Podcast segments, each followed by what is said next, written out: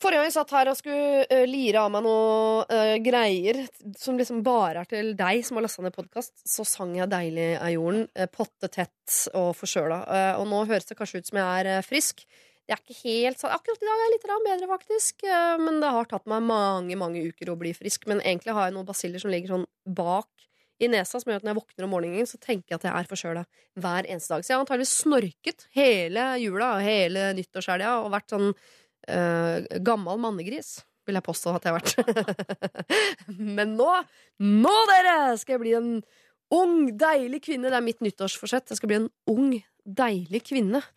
Hvordan det gagner deg, det vet jeg ikke, men kanskje jeg blir i enda bedre humør og har enda mer lyst til å hjelpe. Og kanskje slutter å være så sur. ikke så sur, altså. Bare litt streng, kanskje. Men det er bra, det, da. Bla, bla, bla, bla, bla, bla, bla. Nå skal jeg gå hjem og skravle med familien min. Nei, da skal jeg ikke. Jeg skal hjem og se på Netflix. Ha det. P3. Dette er Lørdagsrådet med Siri Kristiansen. på P3. P3. Godt nyttår fra meg til eh, deg som hører på Lørdagsrådet i dag, denne fortreffelige lørdagen. Vi har allerede hørt Temperature med sin Sweet Disposition. Og jeg vet jo ikke her jeg sitter om du har hatt en fin jul, om du har hatt et, uh, en bra overgang til 2016. Om du sitter nå med blanke ark foran deg som er øh, hvite, men kanskje til og med litt lysrosa, for du tenker at det året her starta helt fantastisk, det kommer til å bli så bra. Jeg har møtt verdens fineste fyr. Den forferdelige naboen min har flytta. Jeg er gjenforent med familien. Jeg har blitt kvitt hun venninna. Jeg er så utrolig lei. Uh, alle de tingene her kan jo ha løst deg, for det er noe rart med sånne overganger som jul og nyttår. At ting enten kan bli veldig mye bedre, eller at ting kan bli litt verre. Det er veldig sjelden det er sånn stillstand gjennom jul og nyttår. Det er nettopp derfor januar er litt spennende, for vi starter starte med nye ark. De trenger ikke nødvendigvis å være rosa, selvfølgelig. De kan også være mørkegrå og til og med kanskje svarte. Fordi det jul og nyttår også kan gjøre med oss, er at vi kan ha møtt igjen familien som man tenker at man ønsker å gjenforenes med, men det har vært spikeren i kista. Man tenker at å herregud, jeg hadde glemt at det var så ille, og jeg som prøvde å ta opp ting, og det ble bare enda verre. Pappa har blitt enda verre enn før. Mamma har blitt helt gæren. Søsteren min nekter å høre på det jeg har å si. Eller du har truffet en typen som du har et avstandsforhold til, og du tenker «Ah, Er det han jeg er sammen med? Han liker jeg jo ikke engang. Kompisen hans er jo mye deiligere. Eller barndomsvenninna di, som du trodde du hadde savna, men når du ser henne igjen, så tenker du «Åh, vi vokste egentlig fra hverandre for 100 år siden. Jeg har bare ikke sett det før nå. Altså, Jul og nyttår kan skape masse, masse problemer. Det kan gjøre allerede eksisterende problemer mye, mye større. Men det kan også være en mulighet for en frisk start. Men det er lett å si, da. For meg som ikke er verken dumpa i jula eller møtt en jeg ikke burde ha møtt, eller ikke har støtt på noe som helst av de problemene der. Men det vet jeg at mange av dere har gjort, for vi har allerede fått inn masse, masse problemer til Lørdagsrådet. Så eh, våre ark er på ingen måte blanke. Våre eh, esker er fulle av problemer. Og vi skal prøve å pløye oss gjennom så mange som mulig av dem i dag fram til eh, klokka tolv. Lørdagsrådet. På P3. P3. Rett før jul så uh, besto Lørdagsrådet av Einar Tørnquist, Gunhild Dahlberg og Jonas Kinge Bergland. Og vi eh, fikk lov til å bli litt grann kjent med et par der ute som hadde giftet seg i smug. De ville ikke ha noe oppsus rundt det. De hadde rett og slett bare dratt av gårde, giftet seg de to, og ikke sagt noen ting til venner og familie. Men eh, så sto jo jula for dør, og de lurte litt på om de rett og slett skulle ta og gi takkekortene som en slags presang under juletreet, sånn at det ville komme som en ja, muligens gledelig overraskelse på eh, de som var eh, til stede. Men kunne de komme til å bli sinte?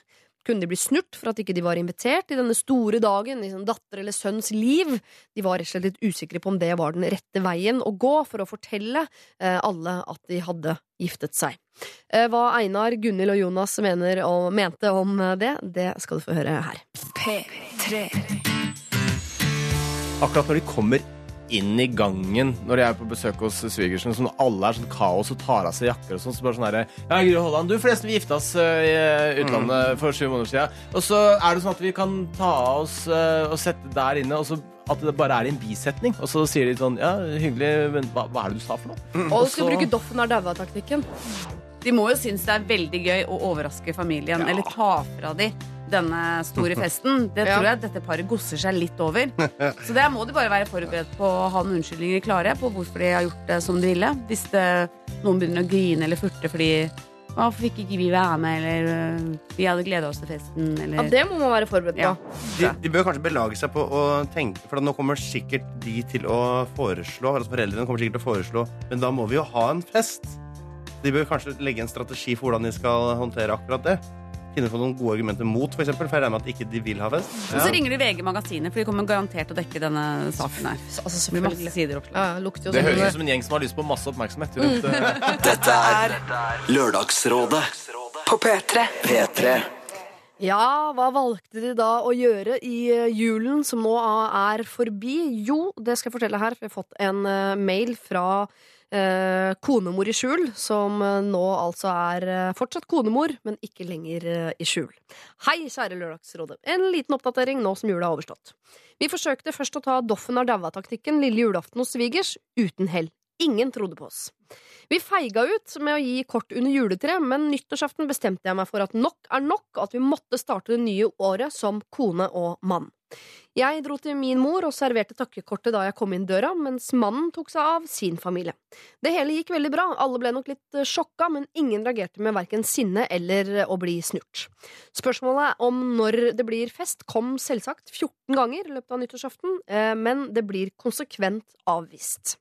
Nå er takkekortene på vei i posten til øvrig slekt, og det kjennes veldig greit å slippe å tenke noe mer på hvordan vi skal offentliggjøre nyheten.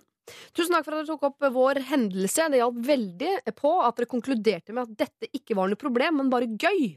Og til Gunhild, vi lover at dersom koppen knuses, ja, da blir det en uh, skilsmisse-nyttårsklem fra konemor, ikke lenger i skjul. De fikk jo da selvfølgelig Lørdagsrådet-koppen som en ekstra liten julegave fra oss her i eh, Lørdagsrådet. Se der! Der kunne de lagt fram noe som noen kanskje ville sett på som en konflikt, og ville unnskyldt seg under paraplyen 'Jeg er en nier på skalaen, så dette kan jeg overhodet ikke si til noen'. Og så la det heller fram som noe som var gøy, og jammen ble det ikke gøy også. Det kan være greit å ta med seg nå inn i 2016. Dette er P3. Komiker Christian Fredrik Mikkelsen. God morgen. ja. God morgen. Eh, Politiker Anette Trettebergstuen. Hei, hei. Og radiomann Ken Vasenius Nilsen. Hei. Ja. er dere uthvilt? Ah, Hardt å komme i gang igjen tidlig om morgenen. Ja. Er dere i gang? Er Dere politikere? gang. Ja, ja, ja. Absolutt. Ingen hvile.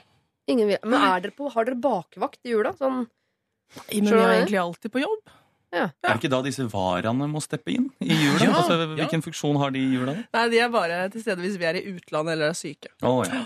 Alltid på jobb, så det er bare å Chill ringe døgnet rundt.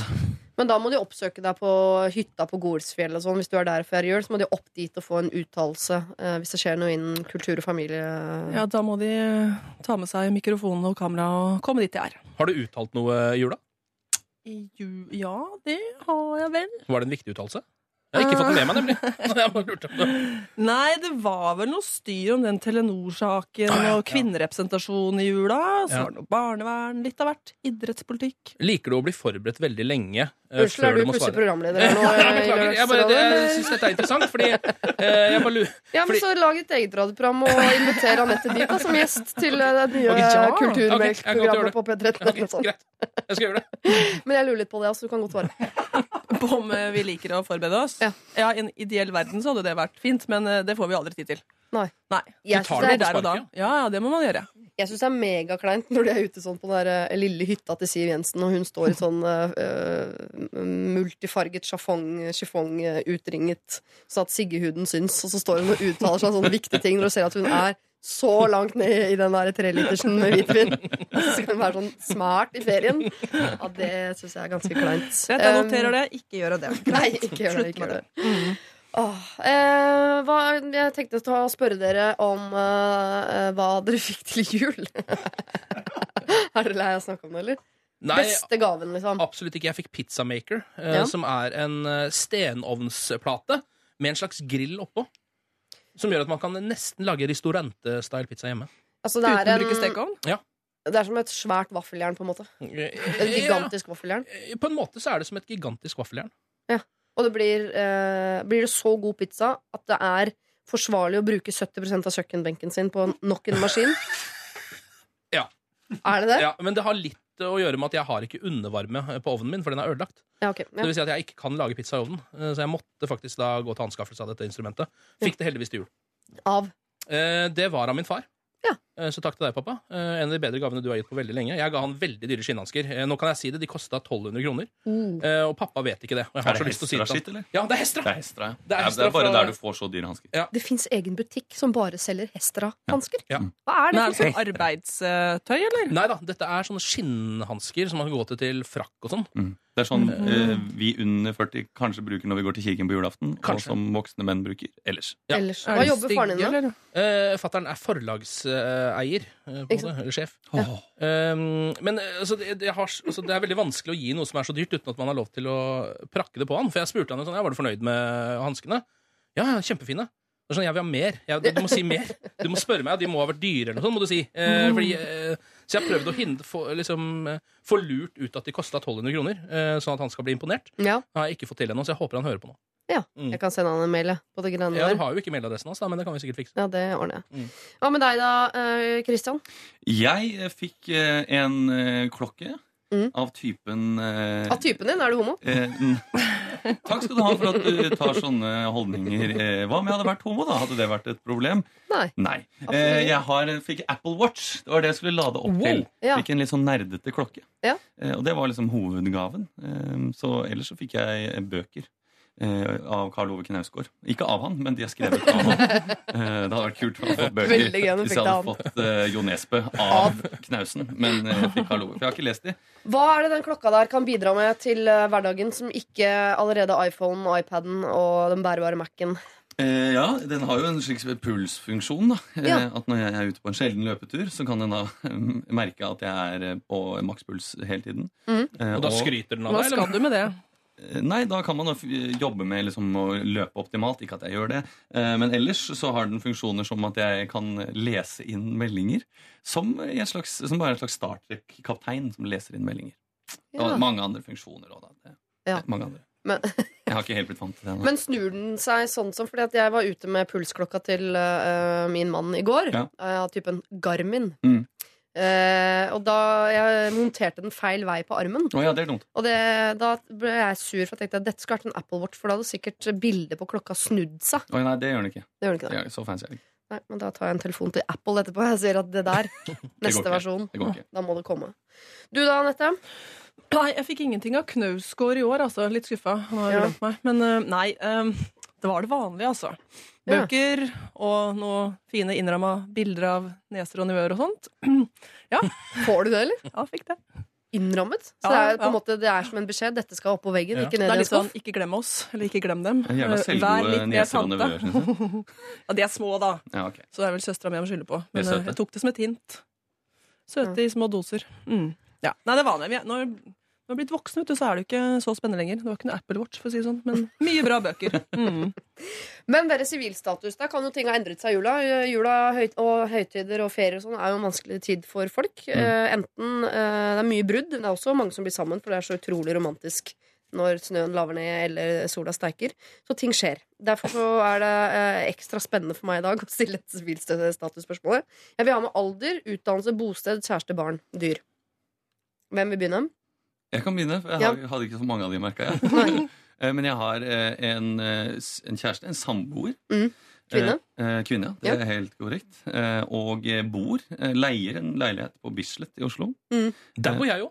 Ja, vi bor jo Fantastisk. nærmest Vi er to nummer unna hverandre. Thereses gate 33 har, Har du stalka han, eller? Nei, eh, men jeg har gått forbi Ken mange ganger på gaten. eh, og, Jeg står som og regel der. smilt, og så går han som regel forbi Ja. eh, uten å se meg. Eh, Ja. Alder, eh, 25. Mm. 25 år. Utdannelse.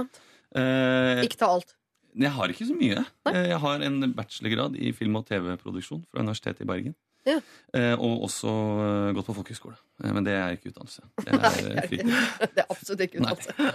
Det er det. Jeg har ingen dyr ennå, dessverre. Skulle gjerne hatt. Ja. Skulle gjerne hatt en, eh, en god og Hva grei skulle du gjerne hatt? En chinchilla eller en en hund? En, En, en litt, med litt størrelse på. Ja, Mm. Bokseraktig. Eh, ja, jeg, familiehund er jeg på. Jeg kunne godt hatt en eh, golden, golden retriever. kunne jeg hatt, For de er så snille og gode. og Lord. ja, Ja, de ja. får mat, så er de glad i det.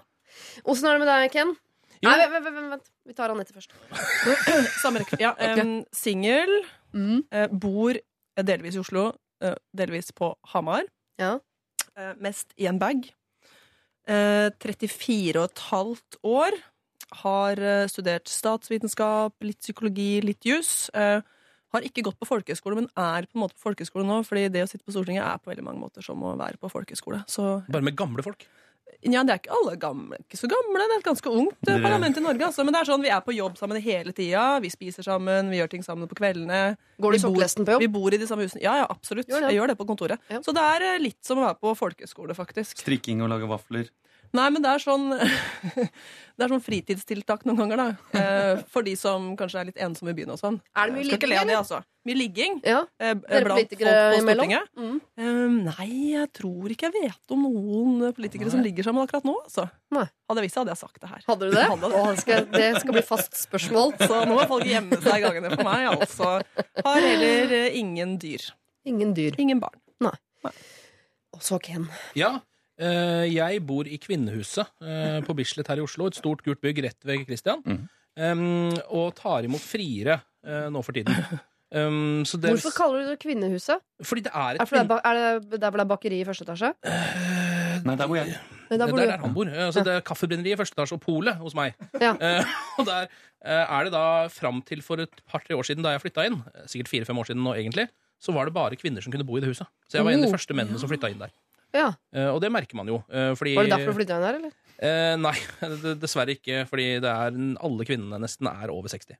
Ja. Um, men man merker det jo, fordi man er jo da en slags Altså Det er litt som apartheid der inne fortsatt. Ja. altså at jeg er um, Jeg blir litt skult på i heisen og sånn.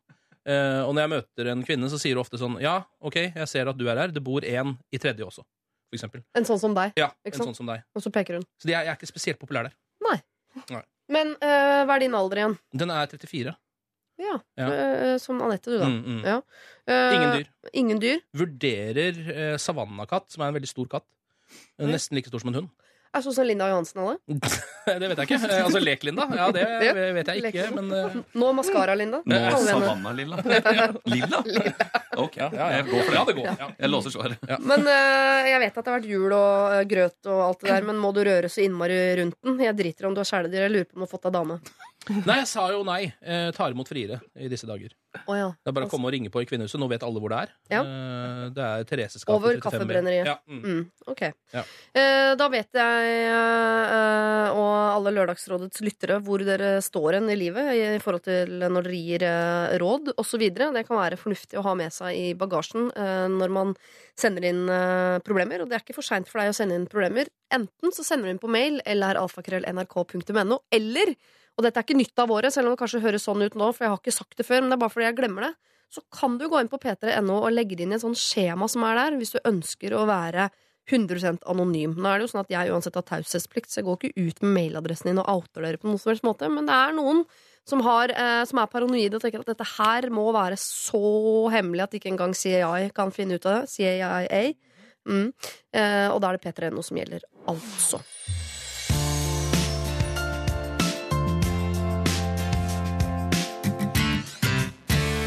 Jeg har driti meg ut. Jeg er i et flott forhold som har vart i ca. to år. Vi har det kjempefint, og jeg elsker henne masse. Jeg tenker at jeg vil dele resten av livet mitt med denne jenta, og vi bor sammen. Men jeg var på byen for noen dager siden med gutta. De var på sjekkeren, og etter hvert så ble jeg stående helt alene. Det kom tilfeldigvis en dame bort til meg. Det første hun spurte om, var om jeg hadde kjæreste, og jeg svarte unnvikende på dette fordi jeg hadde det grusomt kjedelig og det fristet mer å snakke med noen enn å stå og vente alene på at noen av vennene mine skulle bli ledig. Etter et par minutter lente hun seg mot, eh, mot meg og kysset meg. Kysset var av typen man gir på kinnet, altså antatt lengde 0,2 sekunder, men det var på munnen min. Og jeg kunne, burde og hadde uten tvil rukket å dodge det kysset og fått det til å lande på mitt kinn. Om jeg hadde tenkt litt raskere gjennom situasjonen. Jeg fikk panikk, sa at jeg måtte på do, og løp av sted. På vei ut av lokalet kort tid etter huker hun tak i meg.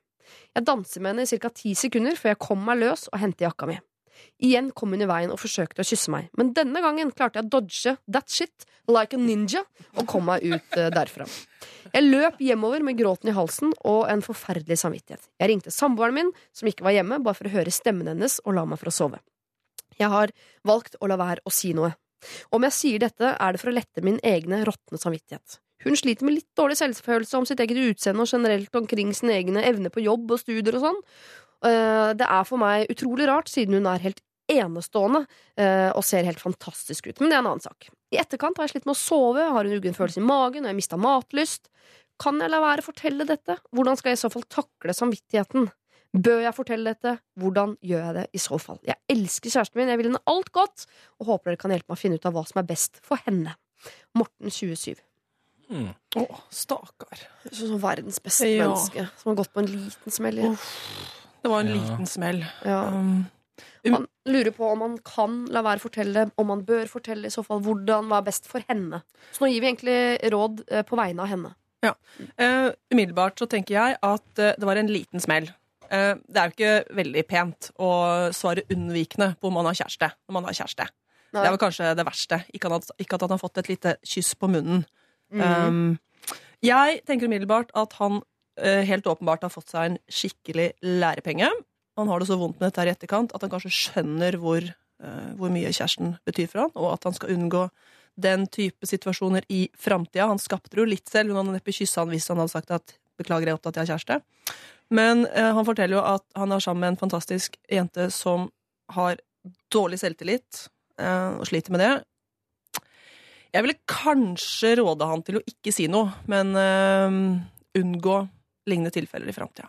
Mm. Ikke skape større problemer enn det det egentlig er. Ja, fordi, Men, det kom, men han har det så vondt med det at det er ikke sikkert at det går over før han er letta på sin egen samvittighet. Men da må han vite at det kan uh, gå hardt utover henne.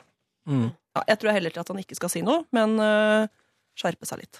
Ikke si noe, skjerpe seg litt. Hva tenker du, Ken? Nei, fordi som du sa, så er det jo henne Du mente at man skulle gi råd til henne, på en måte.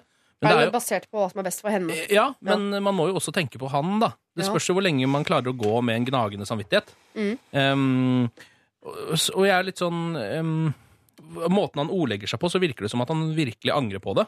Samtidig så framstår han litt som en sånn sitcom-figur som er veldig sånn passiv. Bare 'oi, nå skjedde det og det og det', og jeg hadde ikke noe med det å gjøre. Eh, som man jo aldri er i livet. Man, har jo alltid, man deltar jo sjøl òg. Ja, ja. Man deltar i sitt eget liv. Ja, så den eh, dårlige samvittigheten, hans Det er jo en grunn til at han har den. Ja. Han har jo dumma seg ordentlig godt ut. Og du tenker at han, at han uh, formilder hele Ja, historien litt til sin egen favør? kanskje. Jeg tror kanskje jeg ville gjort det selv òg, hvis jeg skulle skrevet en så skamfull uh, liten sak. Ja.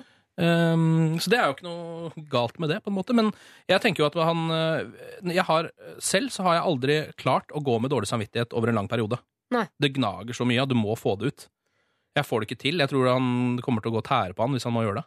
Og da kan det jo på sikt øh, ødelegge øh, dette forholdet. Ja. Han kan si det med en gang, det kan kanskje ødelegge, men Mm. det kan også kanskje ødelegge ved å ikke si noe som helst. Ja. Hva hadde du satt pris på, Christian? Hvis jeg hadde vært denne kjæresten med litt dårlig samvittighet? Ja, Eller hvis du var kvinne i dette forholdet, da, på en måte. Hvis dama di hadde gått på denne smellen. Jeg tror jeg hadde personlig satt pris på å ikke få vite det. Mm. Ja. Eh, rett og slett. Ja. Eh, men det er kanskje fordi jeg vet at det å vite det hadde gnagd på meg. Mm. Eh, og da hadde jeg gått og tenkt på at eh, jo, hun mente det ikke, og hun sa det fordi hun ville være åpen, og sånn, men jeg hadde, de hadde likevel gnagd veldig inni mitt hode, og på sjalusien og på, på vårt forhold. da. Ja. Eh, Så jeg heller litt mer mot eh, Anette, rett og slett. At eh, kanskje det får bli som en slags eh, katarsis for han. Eller får bli hans karma. da, At han må bære den byrden. Når han åpenbart er jo veldig glad i kjæresten sin, og han har driti seg ut, eh, ja, og deltatt selv, ja. Men det virker jo ikke som det er noe han kommer til å gjøre igjen. Nei. Han kommer i hvert fall til å huske på den gnagende følelsen i magen og den dårlige samvittigheten nå neste gang det kommer en eh, dame bort til han når han står og kjeder seg. Så jeg, Mm. det, for meg så høres det ut som en god lærepenge, rett og slett, Mm. som man bør forsøke å glemme. Han burde finne seg en ny inngang når damer kommer og spør Har du dame. Ja, det har jeg, men hvor langt har du kommet i Game of Thrones? Ja, For eksempel? Enig. enig, enig. Så kan han snakke om interessant i stedet. Men det er jo trøst også å tenke på at jeg tror ikke dette er en situasjon som dukker opp så ofte. For, det, for meg så slår det seg som litt unormalt at noen går bort, spør har du kjæreste, og etter to sekunder eh, altså, eh, kaster seg inn i et kyss. Er det, skjer det, det, ofte? en- Det er noe Nei. dere single går og drømmer om at skal skje oftere, men som jo i virkeligheten aldri skjer. Nei, det er, det er vel en kortversjon vi har fått her, antar jeg. Og kanskje han pynter på den, men uh, det, vet, det vet vi ikke. Eh, men det viktige her er at han angrer. Han sliter med å sove, han har en uggen Mm. følelse i magen og har mistet matlysten. Jeg bare tenker at Det kan jo være farlig hvis det over tid ikke går bort. Ja, Og så ender han opp med å fortelle fordi hun spør hva er det som er gærent. Ikke noe. Hva er det som er Ja. gærent? Ikke noe. Seks måneder senere. Du skjønner, okay. for et halvt år siden så, så forteller han det. Og da sier hun hvorfor fortalte du ikke det med en gang? Skulle bare sagt det med en gang. Mm, Og så henger hun seg opp i det. Men det vil jo for så vidt heller ikke være riktig. Altså, jeg tror jo eh, Det beste for eh, henne og for forholdet er jo at han ikke sier det, tror jeg. Ja. Fordi det er Mm. egentlig ikke en veldig stor ting, da. Han angrer veldig på det, og det er et lite feilskjær som eh, alle kan gjøre. Men i hennes hode vil det bli massivt. Ja. Hvis hun får høre det. Og han vil Um, aldri kunne gå ut på byen igjen uten å Ja. noe mistenksom. Det, Ja, det blir bare kjempevondt for hele henne. tiden, og det blir sjalusi i forholdet. Det vil ikke bli bra, Ja, det er mer ødeleggende. Men samtidig, hvis, jeg vet ikke om, han, om det går an å gå og bære på noe sånt. Det er derfor jeg lurer på om dårlig samvittighet går over. Det gjør det. Det gjør det, ja? Etter Ja. hvor langt, et år eller noe sånt? Eller? Ja, nei, jeg kan fort ha tre-fire år. greiene der. Å nei. Ja. Tre-fire Jo, år. så tror du du har glemt det, og så plutselig så våkner du opp og kyssa en dame på munnen den gangen. Ja. Plutselig kommer den. Jeg kan fortsatt ikke høre Sting jeg, uten å få dårlig samvittighet. Uten at jeg skal fortelle noe mer om den historien. Vet du hva jeg kanskje ville gjort? Jeg tror, nei. jeg tror man bare kan ha så og så mye dårlig samvittighet, så jeg ville prøvd kanskje eh, å gjøre noen mot noen andre som man er litt mindre glad i, som man får dårlig samvittighet for. Så kan den dårlige samvittigheten ta over, og så glemmer han den dårlige samvittigheten han har Ja, for så dama. En gang neste lørdag så får vi sånn selvmordsbrev. Takk for det, Ronny. Ja, men si en venn, en middels god venn, da. En Ja. litt ute i omgangskretsen. Ja. Eh, gjør et eller annet mot den personen som du får dårlig samvittighet for, eh, og ikke sier. Så kan det ta over den dårlige samvittigheten. Så glemmer man den andre dårlige samvittigheten som er den eh, relevante i denne sammenhengen. Dette- La meg trekke essensen ut av det du sier der, og gjøre det om til noe med et positivt fortegn. Ja. Fordi eh, jeg tenker også at eh, det at han nå går rundt og har ekstremt dårlig samvittighet, at han helt tydelig har gjort noe han ikke burde, eh, kan han bruke det til at det skal gagne kjæresten på en eller annen måte?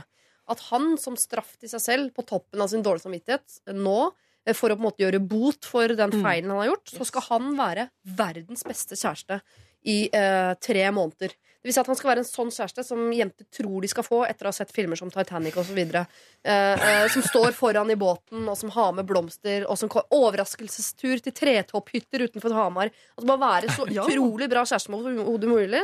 Og så får han gå og gnage på den dårlige samvittigheten, men hun, det hun får ut av det, er at han gjør masse fine ting med henne. Og så kommer kjærligheten til å blomstre, og så avtar den dårlige samvittigheten. Og så har hun egentlig summa summarum så har hun gått i pluss. Ja, Helt enig. det er Er det et godt forslag, det, altså. Tretopphytte i Ringsaker Ja. løser dette problemet. Det er rådet vårt. Så hvis du blir tatt med på Ringsaker, Ja. så veit du at det er fare på ferde. Ja. Da har typen din blitt kysset på. Ja, blitt kysset på. Du, Morten, eh, dette her må nok du bære på, syns jeg jeg hører. Og gi det til eh, dama di. Det gjør bare at hun går og tenker på ting. At hun blir sjalu. At du aldri kan gå på byen igjen uten at hun er mistenksom. Det trenger ikke hun. Det er du som har gått på en bitte liten smell, selv om vi mistenker at den er litt større enn du skal ha det til. Det får være greit. Eh, eh, se om den dårlige samvittigheten går over, og bruk den til å være verdens beste kjæreste i mellomtiden. Det får være en slags straff til deg. Vi skal eh, straks over til nakenbading, vi, dere. Tenk litt på det.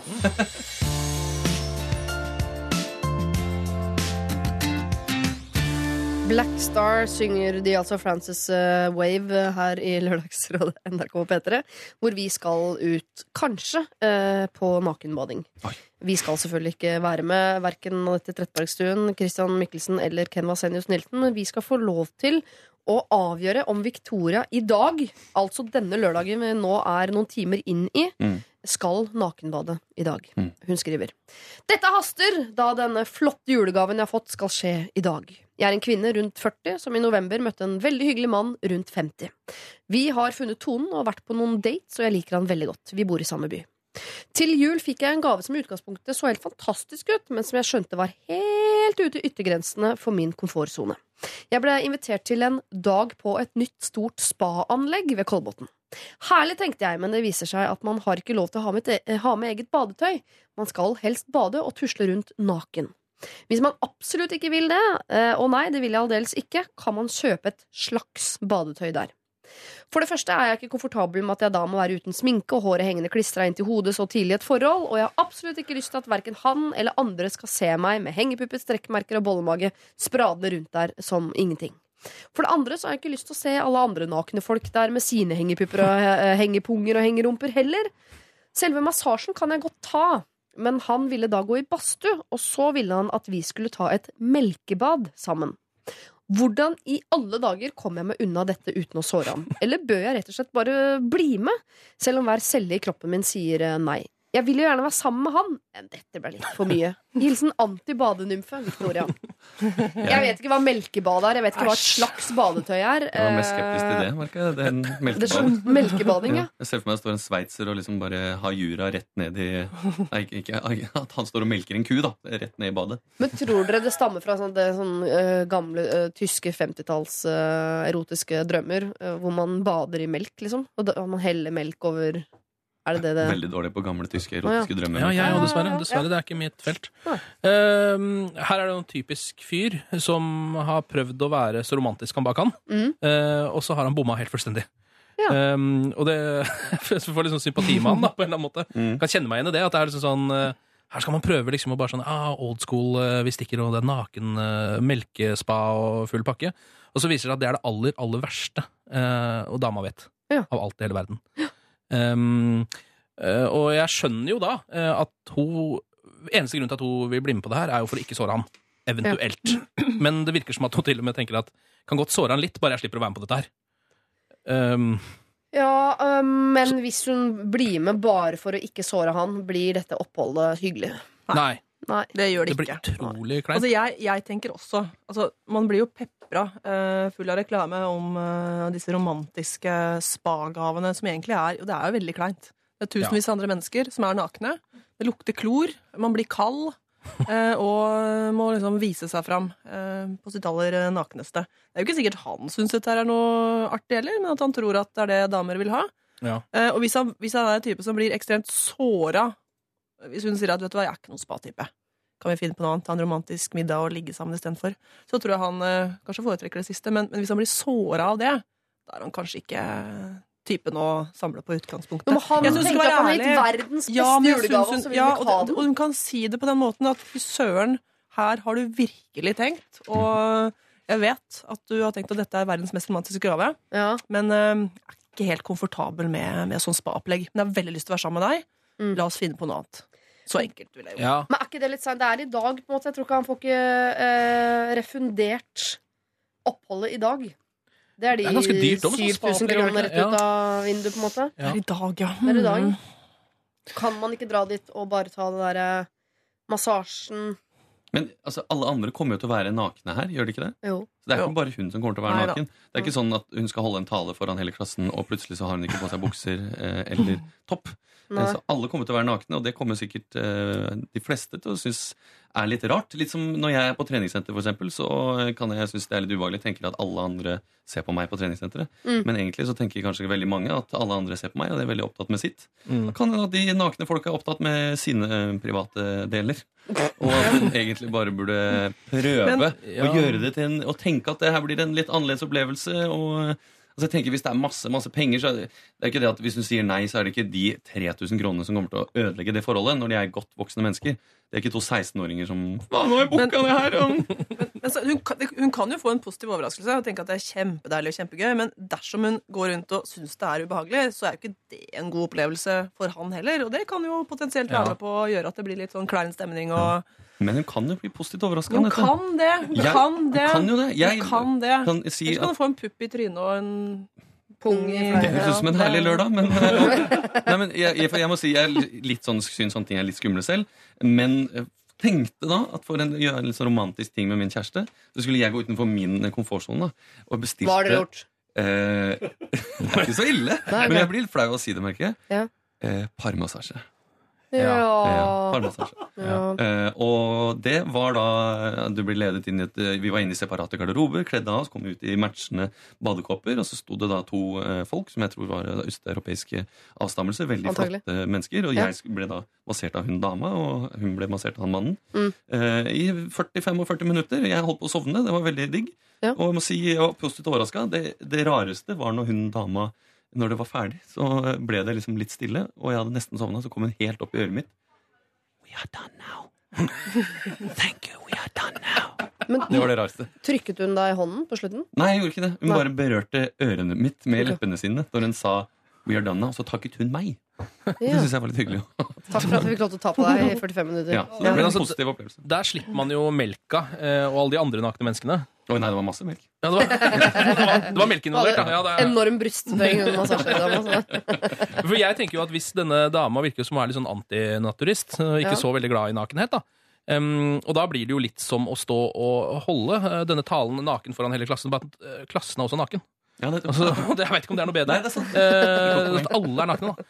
Um, det høres ikke så jeg, jeg vet ikke. Jeg ville selv vært ganske ukomfortabel i en sånn situasjon. Spesielt når man legger på det andre som også er litt ukomfortabelt. Nemlig at det er to nye mennesker som skal møtes og er litt usikre på hverandre også. Men jeg, det er noen eh, elementer her jeg har lyst til bare, som har dukket opp i mitt hode. For det første, Han er eh, rundt 50, hun er rundt 40. Så er det en aldersforskjell her på 10 år som jo egentlig ikke har noe å si. Bortsett fra at jeg, dette vet ikke jeg nå, men kanskje han har kommet over den der kneika vi alle venter på at han er over i sånn helt komfortabel med sitt eget utseende-kneika.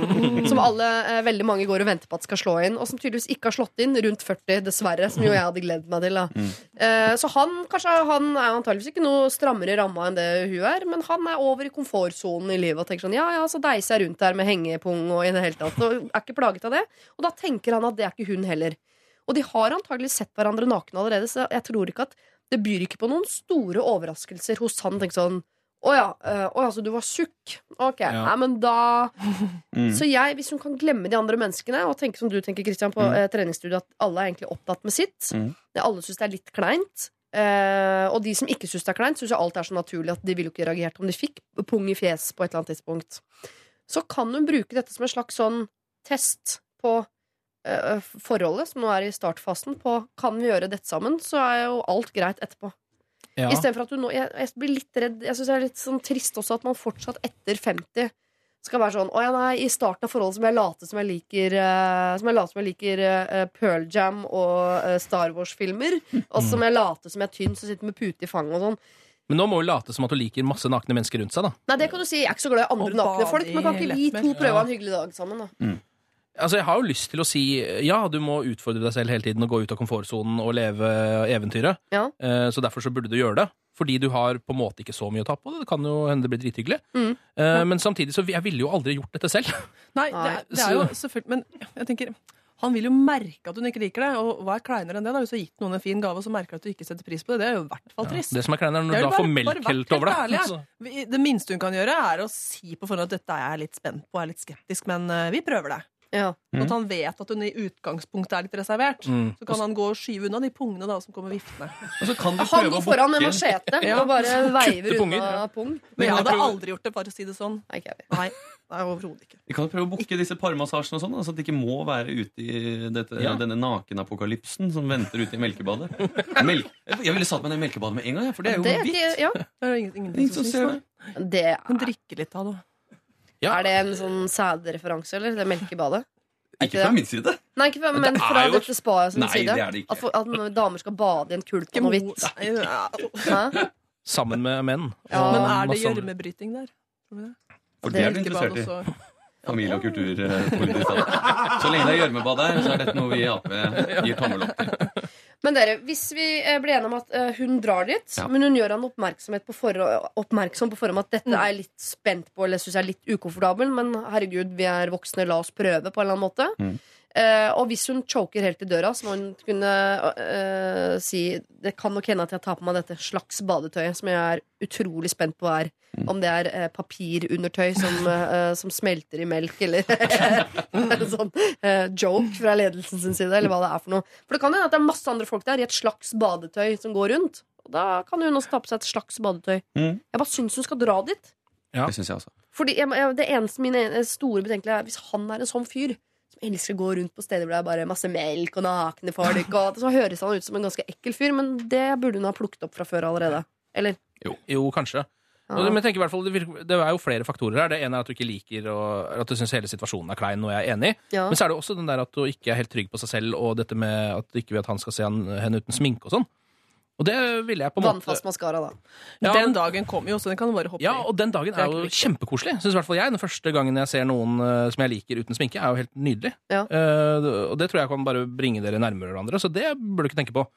Men det at du uh, syns det er veldig ukomfortabelt å være der, det kan jeg jo forstå. Hvis du klarer å komme over den kneika, Ja. Eh, Men si fra på forhånd, sånn ja. at hvis hun får helt sånn bader, så må ha noen eh, ja, nødutganger her, så du kan plutselig bare løpe Og ut der. kjøp et slags badetøy. Mm. Send gjerne bilde til oss. Send veldig gjerne hva det bilde. for noe. av det badetøyet. Ok, eh, du drar dit, du drar dit sammen med han. Husk at han har kjøpt det til deg fordi han har lyst til å dra dit sammen med deg. Han vet hvordan du ser ut, det er ingen store overraskelser. Kanskje det blir den fineste dagen i hans eh, liv så langt med deg, når han får se deg uten sminke og eh, virkelig se hvem du er. Kanskje han elsker det, syns det er enda finere enn før. Eh, Men hvis du får helt spaderen, og det må du advare om på forhånd at kan skje, eh, så tar du på deg et slags badetøy, eller foreslår at dere har på dere badekåpene helt til dere måte er nede i melkebadet. Det, det må jeg legge til. Hvis det er flere i melkebadet, at det er sånn som boblebad, at det er mye mennesker i melkebad, det, det må du ikke gjøre. Det, det må du ikke gjøre. Eh, Se opp Krem, for, for sånn. se opp for sjokomelk. Hvis det bobler, så begynn å passe deg litt. eh, oppi der. Ja, nei, da, da, må, da må du bare gå ut. Eh, men jeg syns du skal gi det en sjanse. For jeg tipper at det er jo avdelinger her hvor det er lov å være naken, ikke naken også, eksempel i middags. Det er jo ikke, det er ikke i Tyskland, dette her. på en måte Det er på Kolbotn, som må være lov å ta på seg klær. I hvert fall til lunsj og middag og de tingene der. Eh, lykke til, eh, antibadenymfe Victoria. Send oss veldig gjerne en eh, mail på hva du endte opp med å gjøre. Eh, om du faktisk koste deg hvis du da velger å dra, og gjerne et bilde av dette slags badetøy. Du trenger ikke være inni det, altså. Jeg vil bare ha et bilde av hva et slags badetøy er. Lørdagsrådet med Siri Kristiansen. På P3. P3. Uh, sorry, jeg tenker bare på han nakne mannen på snart 50, som antageligvis senere i dag sitter naken i en sånn uh, melkebad. Tenk om de sender fra P3 over høyttaleranlegget der nå. Så kleint. Ja, Og de er der allerede, ja. Ja, I melkebadet nå. Melkebadet. De sender Først ikke PT, P3 på På et spa. Well? Hvorfor ikke gjør de ikke det overalt? da? Nei, Det send Der sender de sånn yoga, eh, yoga relax 7. Ja, tenk, de- det har jeg tenkt meg om de som jobber på sånne steder. Herregud, så lei du er av den CD-en Ja. etter hvert. Med panfløyte og harpe. Ja. Åh, Ok, eh, kos, eh, kos dere eh, hvis dere er der. Hvis dere hører på oss på eh, dette spaet. Litt kleint, eller? Jeg vil bare nevne det. Men nå er nytt problem som handler om naboen. Den evige naboen. Kjære Lørdagsrådet. Først og fremst må jeg si at deres eksistens er meget verdsatt. Jeg elsker dere. Det er jo hyggelig for dere å vite det. Anette Trettebergstuen, Christian Mikkelsen og uh, Ken Det er første gang vi har hørt det i år. I hvert fall jeg. Takk, Ja. takk, takk, takk, takk, takk, takk, takk. Jeg bor i første etasje i en blokk hvor jeg har en familie med to barn på 8 og 13 i leiligheten over. Den yngste, en jente, er rett og slett en pain in the ass. En skikkelig diva som alltid skriker og lager drama. Hver gang hun leker med noen utenfor, ender det alltid i krokodilletårer, og hun sa at jeg ikke, eller jeg får ikke være med, blædi, blædi, blæ. Samme regla hver gang. Akkurat det kan jeg fint gi blaffen i, men sakens kjerne er at ungene får være våkne til langt på natt, gjerne klokken ett eller to, eh, hoppe rundt og skrike midt på natta, og det irriterer meg sykt. Ikke minst fordi de også lar disse ungene spille ball og hoppe tau inne. Og vi snakker ikke litt lytt her, vi snakker Vi hører alt. Typen eh, Jeg hører at folk kremter eller slipper en fis i etasjen over. Jeg har tidligere møtt disse folka, både moren og faren fremstår som meget søte og tilsynelatende ålreite, men ungene går meg på nervene, særlig datteren. Jeg får lyst til å løpe opp der, rive opp døra og skrike 'Nå får det faen meg se oppfør deg som folk, din møkkaunge'. Er jeg i en alder av 27 år blitt hun derre sure nabokjerringa? Er det noe jeg kan eller bør gjøre, eller bare bør jeg skjerpe meg? Jeg er jo livredd for å lage støy selv, jeg vil jo ikke at noen skal kunne ta meg på noe, og hvis jeg da klager på dem, så kan du banne på at jeg får høre det den ene gangen jeg velger å, å være våken til halv to på natten for å se en film. Jeg prøver i det minst Jeg prøver minst mulig øh, å, være, å være hjemme, så jeg slipper å forholde meg til dette, men det er jo ikke noe god løsning. Med vennlig hilsen Amfi, som jeg regner med ikke er et ekte navn. Uh, Amfi lurer på om hun bør, eh, eller kan, si fra til eh, naboen om at ungene bråker, eller om hun bare skal skjerpe seg. Ja, Hvordan er reglene der? Det er jo lov å si fra om støy fra naboene på kvelden. Men, det, men er det sånn at med en gang det er barn som lager det støy, så er det ikke lov lenger? Jo, Er det det? støy støy. hvis det vært- Barn er de verste vært- støymaskiner. Det er de som Ja, Hvis det hadde vært Metallica, så hadde det jo vært helt greit. Bare gå opp og si fra. Du kan ikke spille så høy Metallica nå. Eh, Klokka er to. Ja, men spiller ball og hopper hoppe til å vinne, det er jo rimelig Ja. Ja.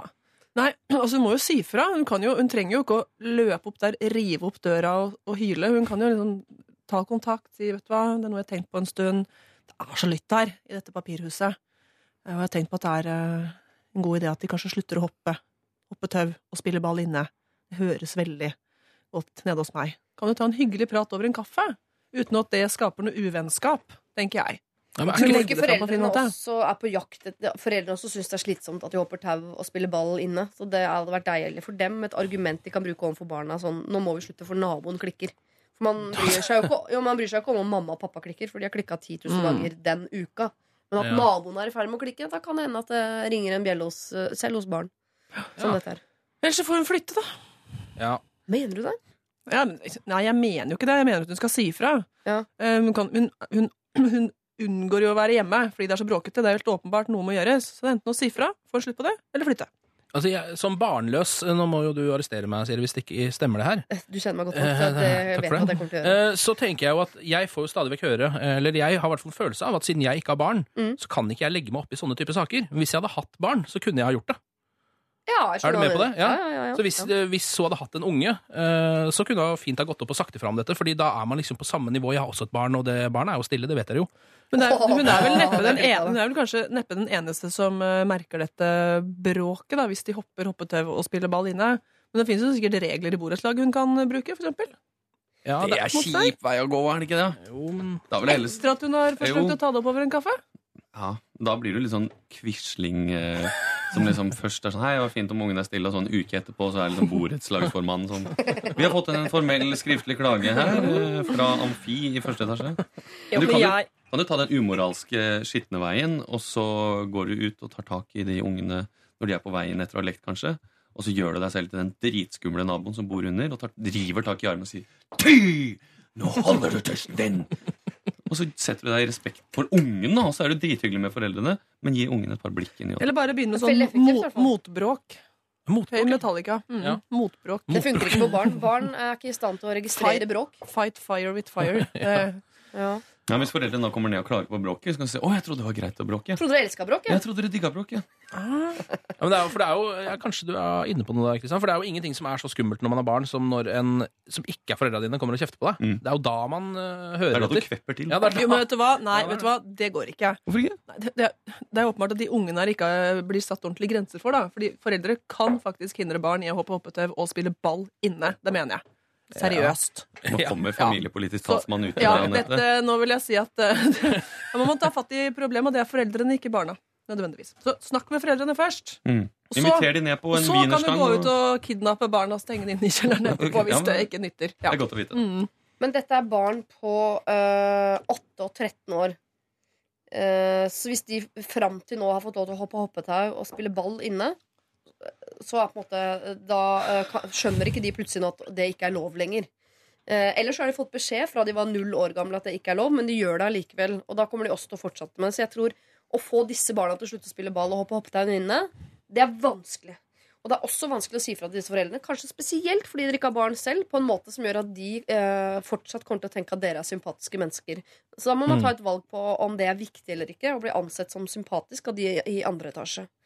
Eh, men kanskje man kan spørre om Jeg lurer på om jeg angrer på det forslaget her, men Nærmest spørre om er det greit at jeg sier ifra når barna dine bråker. Ok, Hadde du satt pris på det som forelder? Ja, det tror jeg kanskje jeg hadde øh, gjort, fordi jeg kan klikke på folk som irettesetter mine barn. Mm. Uh, hvert fall Ja, hvis, det det er, du- hvis det er eh, folk uten barn selv, eller Ja. folk med barn på andre aldre. Fordi er- det er faktisk sånn at man veldig sjelden liker barn, andres barn, når man ikke har barn. Og i tillegg så syns man de alle aldre innenfor barn fra de er null til de blir eh, eh, sikkert 27, har et eller annet ekstremt irriterende. De er alltid inne i en periode med et eller annet element som er veldig irriterende. Idet de slutter å slå folk i hodet med pinne, uh, så begynner de å, å hoppe i sofaen, for eksempel. Det er alltid et eller annet som er veldig irriterende. Og Ja. det skjønner man ikke med mindre man er midt i det selv. Så jeg kan tenke sånn Spille ball inne, så utrolig irriterende.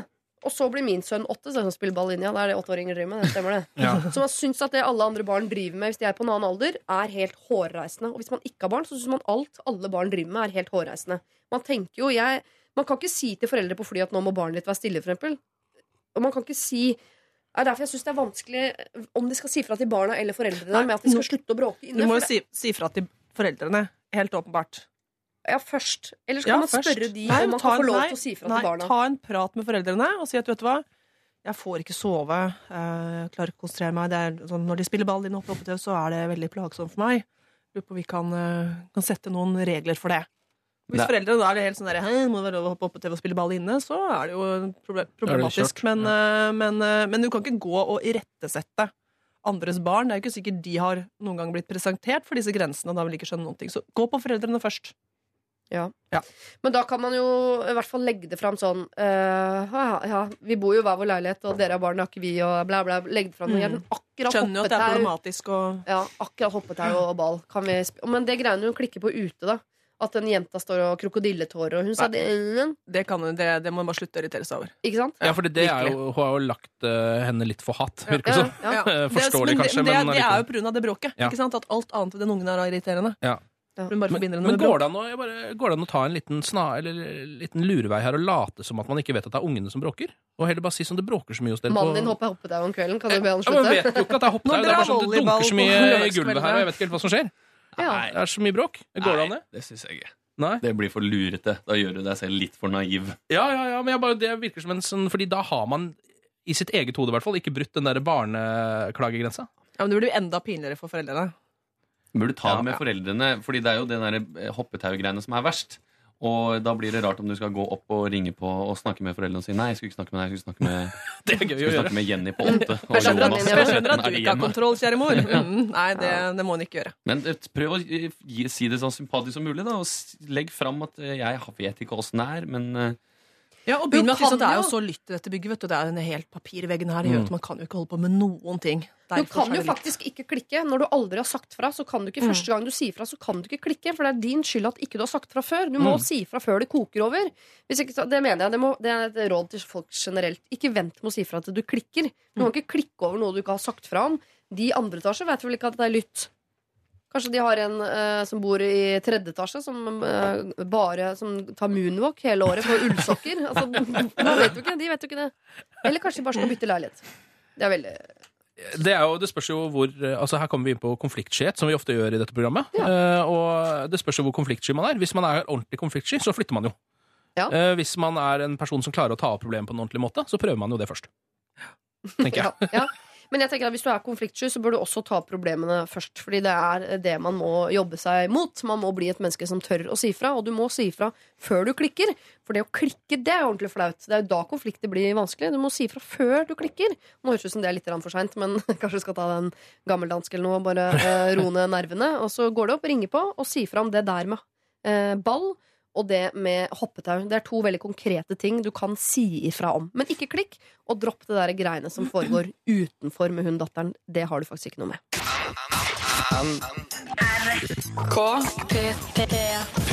P3. Hei, jeg har for ikke lenge siden kommet meg ut av et arbeidsforhold hvor jeg ble mobbet og trakassert av ledelsen i flere år. Dette gjaldt ikke bare meg, de kjører samme stil mot mange andre ansatte. Jeg slutta, gikk raskt ut i ny jobb for å gå videre så fort som mulig i livet. Det funka dårlig. Jeg merket at det var noe, men jeg klarte ikke helt å sette fingeren på hva. Alle jeg jobber med nå, er kjempehyggelige, så jeg er ikke redd for noe, noe mer. Men kroppen er ikke helt ferdig med det som skjedde. Plutselig på jobb en dag måtte jeg bare legge meg ned fordi jeg følte meg dårlig. Så fikk jeg mitt første panikkanfall. Jeg skjønte ikke helt hva det var, men jeg har lest om det senere og forstått at det var det jeg fikk. Min nye sjef ga meg beskjed om at jeg trenger noen å snakke med, og jeg er helt enig. Jeg har opplevd mye opp og ned i livet, som alle mennesker har, men dette er første gangen jeg føler at jeg trenger hjelp. De presset meg eh, så langt ned at jeg følte meg som om jeg var hun på barneskolen eh, som ble mobbet og var venneløs, usikker og redd. Problemet mitt nå er jeg vet ikke hvordan jeg skal si dette til foreldrene mine. De to er eh, psykisk ganske sterke mennesker. De tar ikke noe bullshit, og de ser litt ned på det, folk som går til psykolog. De har sagt ting som ja, huff, dattera til hun der, vet du, går til psykolog. Huff, huff. Eh, Jeg veit ikke, eh, men for meg da, så virker det som om de ser litt ned på det å skulle gå til psykolog, og syns det hele er litt rart. Så hva skal jeg gjøre nå? Skal jeg fortelle at også jeg, datteren deres, går til psykolog? Takk for rådet. Mm, hvorfor må man gjøre det, da? Hva da, gå til psykolog, eller fortell om det? Nei, fortell om det. Ja. Jeg ville i hvert fall, jeg ville ikke gjort det nå, iallfall. Kanskje du kan gjøre det hvis du har gått til psykolog en liten periode og blitt litt grann sterkere. Så kan du eventuelt uh, vurdere å si det seinere. Nå har jeg faktisk gått til psykolog i to år, og det har gjort meg uh, mye bedre. Um, Ja. for det er jo ikke sånn at de Jeg regner med at hun ikke bor hjemme hos foreldra sine lenger. Det er ikke sånn at de bare 'Hvorfor var du i dag klokka seks?' Nei, det Men det kan, jo, det kan jo høres ut som at altså, Jeg tenker jo at hun spør om det fordi at altså, kanskje det er viktig for henne å kunne snakke med foreldrene om det. Det er jo tydelig at hun ikke har fortalt foreldrene om denne mobbingen og trakasseringen. Mm. Eh, og da åpenbart heller ikke at hun går til psykolog, men at det kanskje kan være med på å hjelpe henne. da. Det er litt sånn, ikke sant? Du hører jo foreldrene sitte og snakke sånn om homofile. Inntil datteren kommer hjem og sier at hun er det selv, så er ikke det noe problem. Mm. Jeg tror neppe at de, ehm, at de vil eh, se ned på henne, eller uh, synes at det er noe svakhetstegn at hun Ja, har blitt så trakassert og syk at hun går til en psykolog. Uh, men det vet jo ikke vi. Men jeg, altså, hun må jo ikke si det. Men hvis det plager henne at hun ikke forteller det, så, så tror ikke jeg det er noe problem det å skulle fortelle det. At det vil gjøre noe med deres forhold. I og med at, hun, i og med at det plager henne øh, og skulle fortelle, så høres hun ut som en jente som vanligvis snakker ganske åpent med foreldrene sine om det meste, og som har et øh, ok forhold til både mor og far. Og da tenker jeg at det kan være greit å ivareta det, øh, ta det, og fortsatt inkludere dem på ting som skjer i hennes liv, og ikke nå på en måte utelate de fra noe som er ganske stort i hennes liv, bare fordi hun er redd for at det skal ned på det. For jeg er helt enig med Anette, da trenger jo de å få røska opp litt, og klare å se dette fra en annen vinkel. At å ja, nei, så er det ikke bare eh, fullstendig idioter som går til psykolog. Det er sånne mennesker som datteren vår er. Jeg tenker at de kan ha uh, Men det der, er, for dem da. det der er jo en sånn veldig typisk og ganske vond problemstilling. ikke sant? For Hadde hun brukket beinet eller hatt, uh, armen, uh, hatt vondt i armen, så hadde jo ingen brydd seg om det. Men det, det der, de tabuene der rundt at man skal være liksom, «Å, ko-ko hvis man går til psykolog, det må vi bare få bort. Så det, det er viktig at hun, at hun eh, kan være åpen om det. Men vet du hva? Hun kan jo spørre psykologen. og hva tror vi han hun kommer til å si? Ja, for det, er altså, bare sånn for å, det er jo veldig mange som går til psykolog. Jeg tror noen eh, 70 av vennekretsen min går, går til psykolog. Ja. For å være helt ærlig. Ja. Eh, Så det er jo ikke noe eh, skam rundt det sånn sett, men det er jo hvordan de ser på det. Og jeg tenker Hvis man har en veldig tøff periode hvor ting er veldig vanskelig, og så skal man i tillegg gå inn i en konflikt med foreldrene sine, hvis det blir det, så er det ikke sikkert at da kan det at det knekker henne veldig. da. Hva skulle du si, Kristian? Nei, det virker jo ikke... Du er så søt når du rekker hånda i været. Jo, det er en politiker og en radiomann her. Da må jeg rekke hånda i været. Altså. Eh, For det toget, det bare går. Men eh, det virker jo ikke som de vet om at hun har hatt det skikkelig dritt på jobb i flere år også, da. Nei, For hvis, hvis de hadde visst det, så hadde det vel vært naturlig å tenke at de hadde skjønt mer at hun hadde gått til psykolog. Mm. Eller hvis du skjønner hva jeg mener? Ja, ja. Hvis de hadde visst at hun hadde hatt det skikkelig dritt og følt seg mobba, og hatt det sånn, så, så ville jo ikke de vært sånne psykologer. Det bare noe sprøyt. Men dette er, altså jeg, vet jo ikke det, men det høres litt ut som at den der mobbing og trakasseringa har funka slik som mobbing og trakassering på arbe- arbe- arbeidsplassen ofte funker. At man, man går med en liten sånn følelse at, man, at det egentlig er ens egen skyld. Mm. Ikke sant? Det høres litt sånn ut, for hun er, skammer seg litt over det. Og det er utrolig trist. det. Mm. Det er jo ikke hennes skyld at hun har blitt syk Absolutt og ikke. trenger noen å snakke med. Hvordan er dere Kanskje hun skammer seg litt. Det skal hun ikke gjøre. Nei, hun skammer seg, men hun skammer seg jo tydeligvis Eller det sier hun ikke noe om, da, men hun skammer seg tydeligvis ikke overfor andre mennesker. Det virker ikke som om hun Nei. egentlig syns det er flaut å gå til psykolog. Det er bare overfor foreldrene. Så føler hun, hun har vel en sånn redd for å skuffe foreldrene sine syndrom. Jeg tenker at Hun er syns sikkert det var ja. flaut å komme hjem med noen i matte. Ja, ja. også, At hun er en litt sånn type som vil være flink overfor foreldrene sine. Og av holdningene til foreldrene, da. Og vet hvor de ligger. Og vet at de eh, Ja. ja jeg tenker jo sånn rent ideelt. Det beste å kunne gjort, er å si det til de. Ja. eh, Så får de et litt bedre menneskesyn, på en måte. Eh, Kanskje. Sannsynligvis. Mm. Eh, Fordi det er deres egen datter som kommer med det. Men hvis det skulle bli sånn at bare én av de begynner å liksom rynke veldig på nesa av det, Mm. så vet jeg at det kan såre henne veldig. Eh, og en, når man har det såpass vanskelig fra før, så er det ikke sikkert at man trenger den belastningen. Da. Det er derfor jeg ikke er helt sikker på om man skal gjøre det. Da må man vite må, Men det er jo et eller annet her. i og hun, altså, hvis hun ikke har fortalt om en sånn årelang mobbing og trakassering på arbeidsplassen, så er det jo et eller annet i det forholdet her som kanskje ikke er så nært og, og trygt og godt i utgangspunktet. da, Eller litt distansert, i hvert fall. ja. Um, men um, hmm. Det kan virke som om de kanskje snakker om alt bortsett fra akkurat sånne psykiske problemer. da, Fordi det har foreldrene et problem med å eh, snakke om, tydeligvis. De har en veldig rar holdning til det. Men hvis hun forteller det, og de reagerer med å kalle henne svak eller se ned på henne av den grunn, så Det er veldig rart hvis det skjer. altså. Ja, Ja. Noe gærent med dem. Men det virker som om eh, hennes problemer her utelukkende går på det som skjer på arbeidsplassen. Så da tenker jeg at ikke, hvis det liksom blir eh, på toppen av det igjen, hvis foreldrene viser seg å være skuffa, for jeg, jeg tenker at det er så, det er så separat. Ja. At ikke det nødvendigvis liksom, at hun får det enda verre, eller ja, men da har man jo en vanskelighet i familielivet og på jobb, da. Fordi de ikke vil se. Ja, kanskje hun akkurat skjer, nå ikke er psykisk sterk nok til Ja. å stå imot foreldrene sine hvis hun møter motstand. Ja. Kanskje hun skal vente da, at hun har tatt en sånn seks-sju runder hos psykologen. Ja, Eller er at hun bare er litt mer on top of uh, things. Men jeg må si ehm, Jeg ville blitt nå skal hun, ikke, hun skal først og fremst ta hensyn til seg selv, ikke foreldrene sine. Altså, men jeg som mor ville blitt litt lei meg hvis datteren min ikke kunne komme til meg og fortelle Mm. at hun sleit såpass mye at hun måtte gå til psykolog. Det vil jeg, altså, jeg ville ha vært involvert i det i den grad hun ønsket det. Er det noe jeg kan bidra med? Er det noe vi kan gjøre? Er det noe du trenger fra oss i dette her? Jeg syns at man skal gi foreldrene sine muligheten til å vise seg fra en varmere og finere side enn den siden hun beskriver for oss her til, til oss nå. Men eh, Mm. nå snakker jeg fra et mammahjerte, mamma- og de er jo fucka. Mm. De burde vært psykologer Jeg håper og tror at hun uroer seg for det der uten grunn. Ja. Ja. Har, dere fort, jeg må spørre, har dere fortalt noe til foreldrene deres noen gang hvor de, som dere tenkte sånn ah, det gruer jeg meg til å si, ass, og så er det helt greit? Ja, Ja. ja, Ja, ja. Jeg er jo lesbisk. Hva?! Æsj. Da tenkte du at de skulle være skikkelig skeptiske til det? Nei, men vet du hva? Eh, Jeg husker det Jeg var veldig nervøs. Ikke jeg er verdens mest fantastiske foreldre, så det er ikke det. Men, men man hører så mange historier om at det ikke har gått greit. Ja. Man hører jo flest sånne historier. Man hører jo aldri om de historiene der eh, det har gått skikkelig bra. Så jeg tror at alle som skal komme ut av skapet, da, som det så utrolig teit heter, eh, tenker litt på, på det. Men det var jo bare Det var jo ikke noe problem. Nei. Bare herregud at jeg ikke har sagt det før.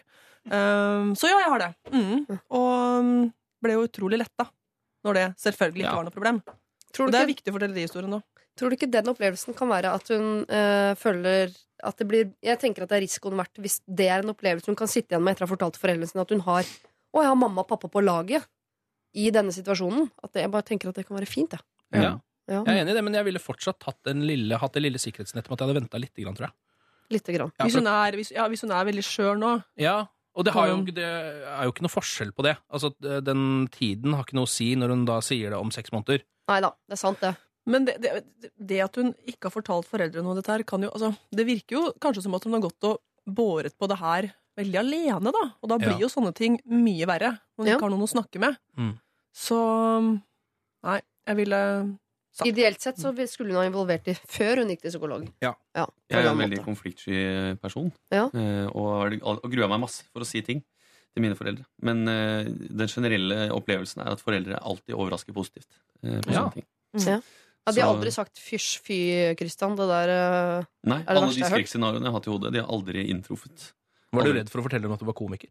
Hadde en så useriøs jobb? Eh, de, det merka de gradvis eh, på egen hånd. Jeg hoppet av studiene, mor, og blitt eh, klovn på heltid. Men det var jeg litt redd for at de, de skulle merke. Ja, det var jeg, men det, der eh, har de kommet seg eh, bra og gleder seg nå positivt over det. Du er ute av standup-skapet. Sier de, Ja, ja. Ut av standup-skapet, ja. Mamma og pappa. Jeg Hver husker jeg dag. krøyp opp i senga til mutter'n og fatter'n en gang, som hadde bygd seg seng på gulvet på loftet på Bjølsen vi bodde der. Krøyp jeg oppi midt på natta og sa sånn Jeg har stjålet masse godteri!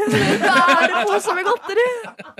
Da syntes mamma det var helt greit, da. Men jeg sa bare at jeg hadde stjålet Jeg sa at jeg hadde stjålet masse, men ikke hvor mye faktisk jeg hadde stjålet. Vi hadde stjålet i ukevis. Masse godteri hver dag, og lagd sånn lager som vi drev og ga til andre. Fra hvor? Fra en uh, nærbutikken på Bjølsen. Så du ga til andre? Så det var en slags Robin Hood oppe på Bjølsen der? Ja, ja, vi var på en måte Vi var pushere. Ja, pusher. Og du solgte, du solgte til andre? Okay, ja. Ok, Iselin, vi har liksom troa på at uh, mor og far her kommer til å backe deg i den avgjørelsen du har tatt på å um, kontakte en psykolog. Men uh, hvis du akkurat nå er såpass skjør at du ikke orker noe motstand, så kan det hende du skal vente eh, noen uker eller måneder eller hvor lang tid det tar til du føler at du er såpass på høyden til at du kan dele dette her med moren og faren din. Eh, Men den dagen du velger å gjøre det, så spiser vi hattene våre. Hvis ikke du blir overrasket over hvor positivt innstilt de kommer til å være til dette. Du, de har jo støttet deg antageligvis i det meste så langt i livet. Det er i hvert fall det en mor og en far skal gjøre. Så hvis ikke de gjør det, så er det igjen ikke deg det er noe gærent med, bare dem. Dette er Er P3. Dere, Vi skal inn i et litt uh, juicy problem fra en som velger å kalle seg for Jakob. Uh, han skriver Hei, Lørdagsrådet. I forrige uke så matchet jeg med en veldig søt jente som ba ut på date. Nå leser jeg som hun er en limerick, ikke sant? En finnmarking som leser limerick. Det beklager jeg. Veldig søt jente som ba med på date. Det er ikke en limerick.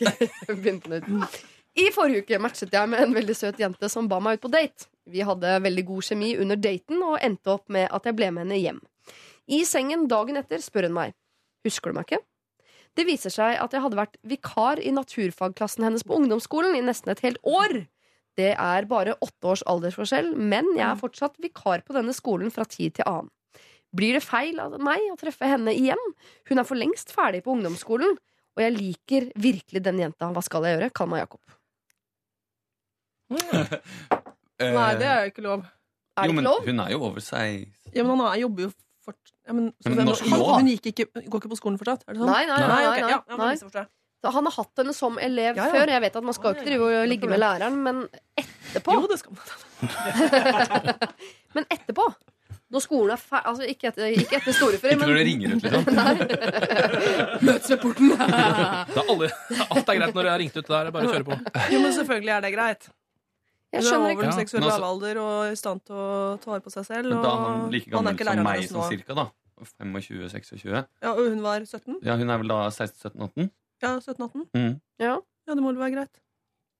Ja. Ja. Det er jo Men, ikke problemet er men, det er jo grunn til at han problematiserer. For jeg tenker Å komme tilbake på lærerværelset og si sånn Woohoo! Endelig har fått meg kjæreste. La oss si det blir sammen, da. Ja, Hvem er det, da? Ja, dere husker henne kanskje? Hun søte med museflettene som er her for Ja, men han, er jo, altså, han, han er jo åpenbart uh, fikk jo et nytt syn på henne den morgenen når hun sa at uh, du har hatt meg i klasserommet. Han er sikkert redd for at andre skal tro at han var etter henne allerede da. Ja. Det må han Det jo tror jeg regne er det er en liten, Han er redd for stigma, kanskje? Det er han. Helt åpenbart. For å bli tatt som han ekle naturfagslæreren som skulle Ja. ta sexo sexologien, holdt jeg på å si, og Ja. tok eleven etterpå. Ja, Det er jo et lite stigma, da, hvis vi- en aldersforskjell som, hvor hun nærmer seg Eller så vidt er over den eh, gylne alderen. Alderen. Ja. Mm. Men risikerer han noe? Eh, altså kan, Hvis skolen finner ut av dette Ja. Um, Hvor mange år siden var det han hadde henne som lærer? ja, Nei, står det det? står ikke. Nei. Nei.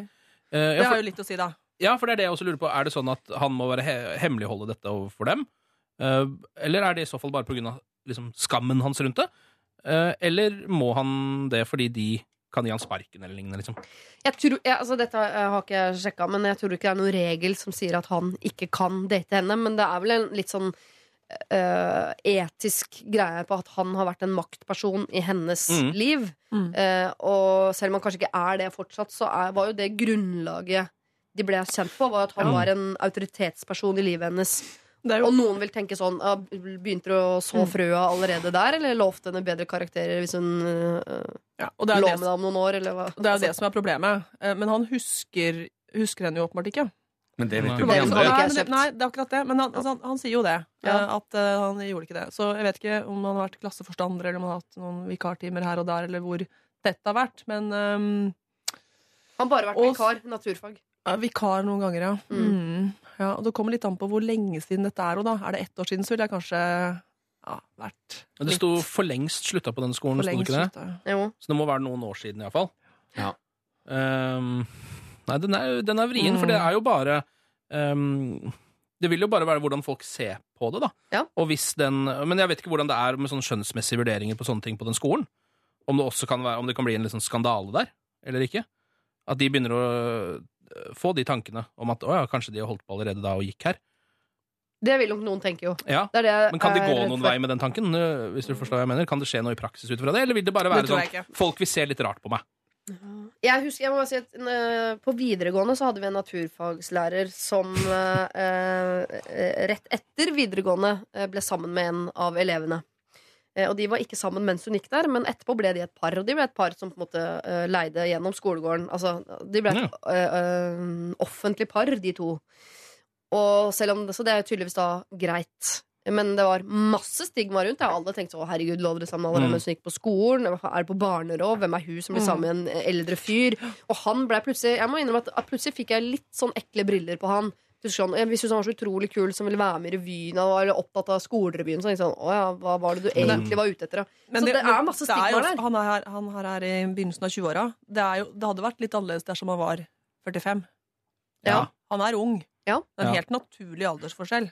Ja. Så det er jo, men, men man må nok leve med, hvis han går videre med å date henne, at noen ser på han på den måten og kanskje blir skeptiske. Det er et valg han må ta, en støyt han må Ja. være åpen for å ta. Han Men, jobber jo um, fortsatt på denne skolen, så det kan jo være litt Mm. slitsomt det. At, folk går og, at ryktene begynner å gå. Men har hun tenkt gjennom eh, det stigmaet, da? Hun som er da 17, 18, 16, 17, 18? Vites ikke. Nei, om, eller om det, om eh, det for hennes del kan bli kjipt også, at hun plutselig er sammen med en At hun ikke er klar over de konsekvensene det- det kan Altså, vi Er vet ikke det bare kul? Altså, jeg tenker uansett det sånn eh, lærer, elev, eh, lege, pasient, alle de der maktbalansene der, så er det jo alltid på en måte eh, den med uh, størst autoritet som er Men- grisete, og hun Mm. andre som Ja. har scora, på en måte. ja, eller ja. bare- Sånn vil det alltid være. Liksom, sant. spør han egentlig her fordi at han liksom Oi, shit, jeg har ligget med en tidligere elev, hva, hva kommer jeg til å få høre nå? Eller er det litt sånn Å, kunne tenkt meg å treffe henne igjen, Han vil men treffe er det henne igjen. etisk? Ja, treffe henne igjen, Mm. nå sa de ja. Ja. Jeg liker virkelig den ja, jenta. Ja, ja. Nei, men da Etter en, Han har vært på én date. Ja. Det kan hende at han vil vite hvordan vi hadde sett på han Ja. hvis dette her Mm. hadde skjedd. Um, at det Jeg hadde sett på han som en uh, litt grisete type som måtte bevise overfor meg at han virkelig likte den jenta. At han var ute etter å bli kjæreste med henne, ikke bare å feie over folk i klassen. Som en Helt- som en vanlig mann, med andre ord. Jeg hadde sett på deg som en helt vanlig mann, og det er ikke bra. Uh, ja, men jeg, faktisk, jeg er helt enig, Der er jeg enig med deg, Siri. Det hadde jeg også gjort. Ja. Jeg hadde fått helt nye briller og sett på han med dem. Jeg tenker, Hvis jeg var moren hennes, så ville jeg også tenkt sånn. Så han må nok forberede seg på å um, oppføre seg ordentlig og bevise at uh, ja. Men han spør jo om han skal treffe henne igjen, og da tenker jeg ja, det Ja. skal du. For hvis dere to finner ut at dette her er kjærlighet, det er stor kjærlighet, vi elsker hverandre, ja, så klarer dere å gå eh, gjennom de stigmaene. Dere klarer at både mor og rektor og noen gamle elever har på seg eh, noen Mm. annerledes briller en stund. Hvis dere elsker hverandre, så kommer det til å synes, og da tar vi av oss brillene igjen. Yes. Men hvis det er noen års Altså det blir jo noen år etter det her. Det er jo ikke snakk om året etter. Hun har ikke, han har ikke venta på at hun skulle få graduation cap fra ungdomsskole. Og så hoppa eh, som bare kunne komme rett ut og liksom ta Han henne med på det. Han kjente henne jo ikke igjen. Nei, Nei. nettopp. Det er bare det at det kan virke sånn. Det kan, Det det ja, er- ja, det kan virke sånn. Så det har jo gått noen år. eh, Så jeg tenker jo, jo flere år det har gått, jo bedre er det. Men det er greit å være forberedt på de reaksjonene, for de kommer til å komme. Mm. Ja, Ja. Folk kommer til å snakke. Altså, det, det blir sladder i bygda uansett. Fordi det er det Krig mest og kjærlighet der, og så Mm. Om 25 år så kommer det til å bli en søt historie som du deler med dine barn. Absolutt. Ja, ja, det, det kona Nei. Eh, Mora deres hun var jo bare en liten eh, ungfugl når vi møttes første gang. Da la jeg ikke merke til henne. Hun måtte bli en havørn før jeg fikk henne med på date. Men idet hun begynner på ungdomsskolen, så kommer du til å advare henne mot naturfagslæreren. Han som skal holde seg unna han. det føler jeg meg også ganske trygg på. Du, eh, du vet selv eh, om eh, våre fordommer stemmer eller ikke. Om du bare er en grisete type, eller om du er en fyr som har falt pladask for en ung jente. Mm. Du beskriver det som å ha falt pladask for en ung jente, og det er helt greit, men du må belage deg på at du antakeligvis må bevise folk om det, fordi vi er fulle av fordommer hele gjengen. Vi kommer til å ta på oss brillene, men det er det som er så fint med briller. De er fullt mulig å ta av seg igjen. Eh, Men det kan ta litt grann tid. Men er kjærligheten sterk nok, så overlever du det. Vi har ikke laseroperert fordommene våre. Ja, det, det har vi nå. Dette er Lørdagsrådet På P3. P3. Mumford Sons, altså, med låta som heter Ditmas. Jeg vet ikke hva det betyr uh, overhodet. Er det en julerelasjon? Har det noe med jul å jeg gjøre? også tenkte på det. Er eh, det tysk jul? Ditmas! Eller hva? eh, nei, for det er vel Weihnacht. Ja, stemmer. Ah. Ja. Ja. mhm. Ja, ja. La nå den låta ligge, da. Fin Ditmas. var den uansett. Jeg liker masse musikk jeg, som jeg ikke vet hva handler om. All rap, for eksempel. Mm. Aner ikke hva de synger om, men det er veldig fint å høre på. Dere, vi skal hjelpe en eh, ung jente som heter Vilde, som er veldig lei seg. Har ikke starta 2016 på den beste måten, kan man si. Mm. Eh, hun skriver her. 2. januar sto kjæresten min opp med meg. Han var en jeg kunne sett for meg å, bli, eh, eller å være sammen med lenge, for vi var en utrolig god match. Helt til det kom til hva vi ville med forholdet. Vi hadde et avstandsforhold i to forskjellige byer i Norge, og etter ett og et halvt år sammen så funket plutselig ikke avstandsforhold lenger. Og han sa at han ikke var klar for et seriøst forhold da spørsmålet kom om vi skulle flytte sammen til høsten. Altså om jeg skulle flytte til hans by. Han ville heller ha en periode i livet eh, som egoist, være med gutta, se på fotball. Jeg er en person som går 100% inn i ting, men fikk ikke det samme tilbake, dessverre. Nå til problemet. Han hadde bursdag 22. desember, og jeg hadde kjøpt masse fint han både til bursdag og til jul. Dessverre var sekken jeg ga han ødelagt fra leverandør og måtte sendes tilbake. Et par dager etter bruddet mottok jeg hentemelding på SMS om at pakken har ankommet der han studerer, men det fristet meg egentlig veldig lite å gi han den nå. Det er ikke pengene som er problemet. Den kostet 600 pluss frakt, men mer det at jeg ikke vet om jeg har lyst til at han skal ta enda et eh, valg for meg om å beholde sekken eller ikke. Jeg vet at han ønsket seg en sekk, men hva skal han egentlig med en sekk fra meg nå? Er det barnslig å ringe posten og be de sende den tilbake til meg, eller skal jeg krype til korset og kanskje høre han si at han ikke vil ha den lenger? Han sa også at han syntes jeg var veldig sjenerøs med gavene, og følte jeg ga mer enn han. Jeg har ikke veldig lyst til å ta kontakt med han, for det gjør for vondt. Hilsen dobbelthåret jente 23 Vilde. Skjønte dere problemet? Ja. Ikke sant? Uff, stakkars jente aller først. Ja. Ja. Hun har sendt altså julegave, bursdagsgave opp til han. Den har kommet i retur. Nå har den endelig kommet fram dit hvor han er. Men skal hun uh, la han få gaven? Han har jo i mellomtiden rukket å dumpe henne. Dette skjer i Posten når ikke dere leverer. Det er faktisk Posten sin skyld. Liten shout-out til Posten der. Jeg følte med en gang at uh, jeg ble en sassy jente i Sex and the City som bare sier 'Den sekken tar du sjæl, ass'. Det er det ingen tvil om. Jeg, jeg tenkte med en gang Hvorfor skal du gi den sekken? Hva skal han fylle den med? Sprit og fitte, liksom? Det, nei, den sekken skal du ha! Og fylle med nye, gode minner og nye bekjentskaper og Nei, nei, venner. nei. Hvorfor i helvete skal han få vite om det når han ville være ego? Nei, vet du hva? Ja. Jeg ville latt han eh, få denne sekken. Hun har jo kjøpt denne sekken til han, eller bestilt denne sekken til han eh, fordi at hun var glad i han og ønsket at han skulle ha en sekk. Og sånn, akkurat nå så kan hun være litt sånn faen heller om han skal få en sekk av meg, han eh, kjipe fyren som har dumpa meg. Men in the long run så vil du kunne se tilbake på at vet du hva, jeg var raus, jeg var jeg sto med mitt, jeg var snill mot han mens han var kjip mot meg, og det er en mye bedre følelse. Kanskje det også svir litt hos han, da, når han får enda en lekker gave av henne. Ja, jeg ville bare gitt, gitt han den sekken. Og hva skal hun, skal hun gå rundt med den sekken, da, som kommer til å minne henne om han resten av livet? det er sant. Det er veldig sant. Jeg bare ble litt Uansett sur med en gang. Jeg, jeg, jeg ble litt sint. Jeg måtte Ja. bare la følelsene løpe ut. Men vi har vel alle vært der, at vi har gitt noe til noen og fått noe litt kjipere tilbake. Ja, ja, Det er jo verre å være den som gir noe kjipt. Jeg tror aldri jeg har vært der at jeg har gitt bort en sekk til, eh, til 600 kroner og blitt dumpa tilbake. Det den er ganske Det er stor forskjell. Min første jul med min kjæreste, Ja. så ga jeg en øredobber. Og så fikk jeg Simpson-sokker tilbake. Det var, det var verre for henne. Eh, det var det nok. Ja. Ja, ja, ja. Men jeg fikk Simpson-sokker eh, året etter, for da ble det liksom en morsom tradisjon. Ja, men har du ikke kompensert i senere tid eller, ved å gi deg veldig dyre? Jo, da har jeg fått masse andre fine ting. Da satte du standarden, ikke sant? Og så, ja. Jeg bare kjenner jo at det, det her sier jo litt om hvor uh, smålig man blir i sånne Mm. eh, situasjoner. Ja. Um, fordi altså, egentlig så er den sekken er jo Den kunne nesten bare ligge på posten. Det hadde på en måte ikke hatt noe å si. De 600 kronene har du for så vidt brukt. Hvem som ender opp med en sekken har- Pluss frakt. Det var den frakten. Det er sant, det er frakten. Ja. Uh, jo, men ikke sant. Uh, så, altså, problemet her er jo at uh, jeg har det vondt. Jeg har blitt dumpa. Mm. Eh, og nå har det nye året starta, og jeg føler meg helt jævlig. Mm. Um, så, så klarer man allikevel å reflektere alle de følelsene over på en sekk. Det syns jeg er litt fascinerende. Ja, men man gjør det. Ja. Vi har vel alle vært der, ikke sant? Blitt dumpa og blitt kjenner- dumpa. Bare dumpa. dumpa. Vært et dumpy. Ja. Mm. Ja. Det kan også andre, sies da? at sånne ting kan altså uh, Sånn som men det er jo Skyt meg. Da, nå Ja. beklager jeg, nå avbrøt jeg. Ja, Siden jeg er politiker, så holder jeg på ordet. Ja. Um, nei, men det er jo som du sier, problemet her er at hun har det vondt. eh, og, og prøver å liksom At man innerst inne har sånn instinkt har lyst til å ta igjen litt. Men det er sjelden fruktbart. Og det tror jeg ikke hjelper. Så, men jeg tror at hun kommer til å kunne se tilbake på det eh, når hun har kommet over det om litt tid, på at hun føler seg bedre om hun bare lar ham få den sekken. Eller har vært kan- raus og fin. Men kan ikke hevn være en ganske deilig følelse noen Nei. ganger, da?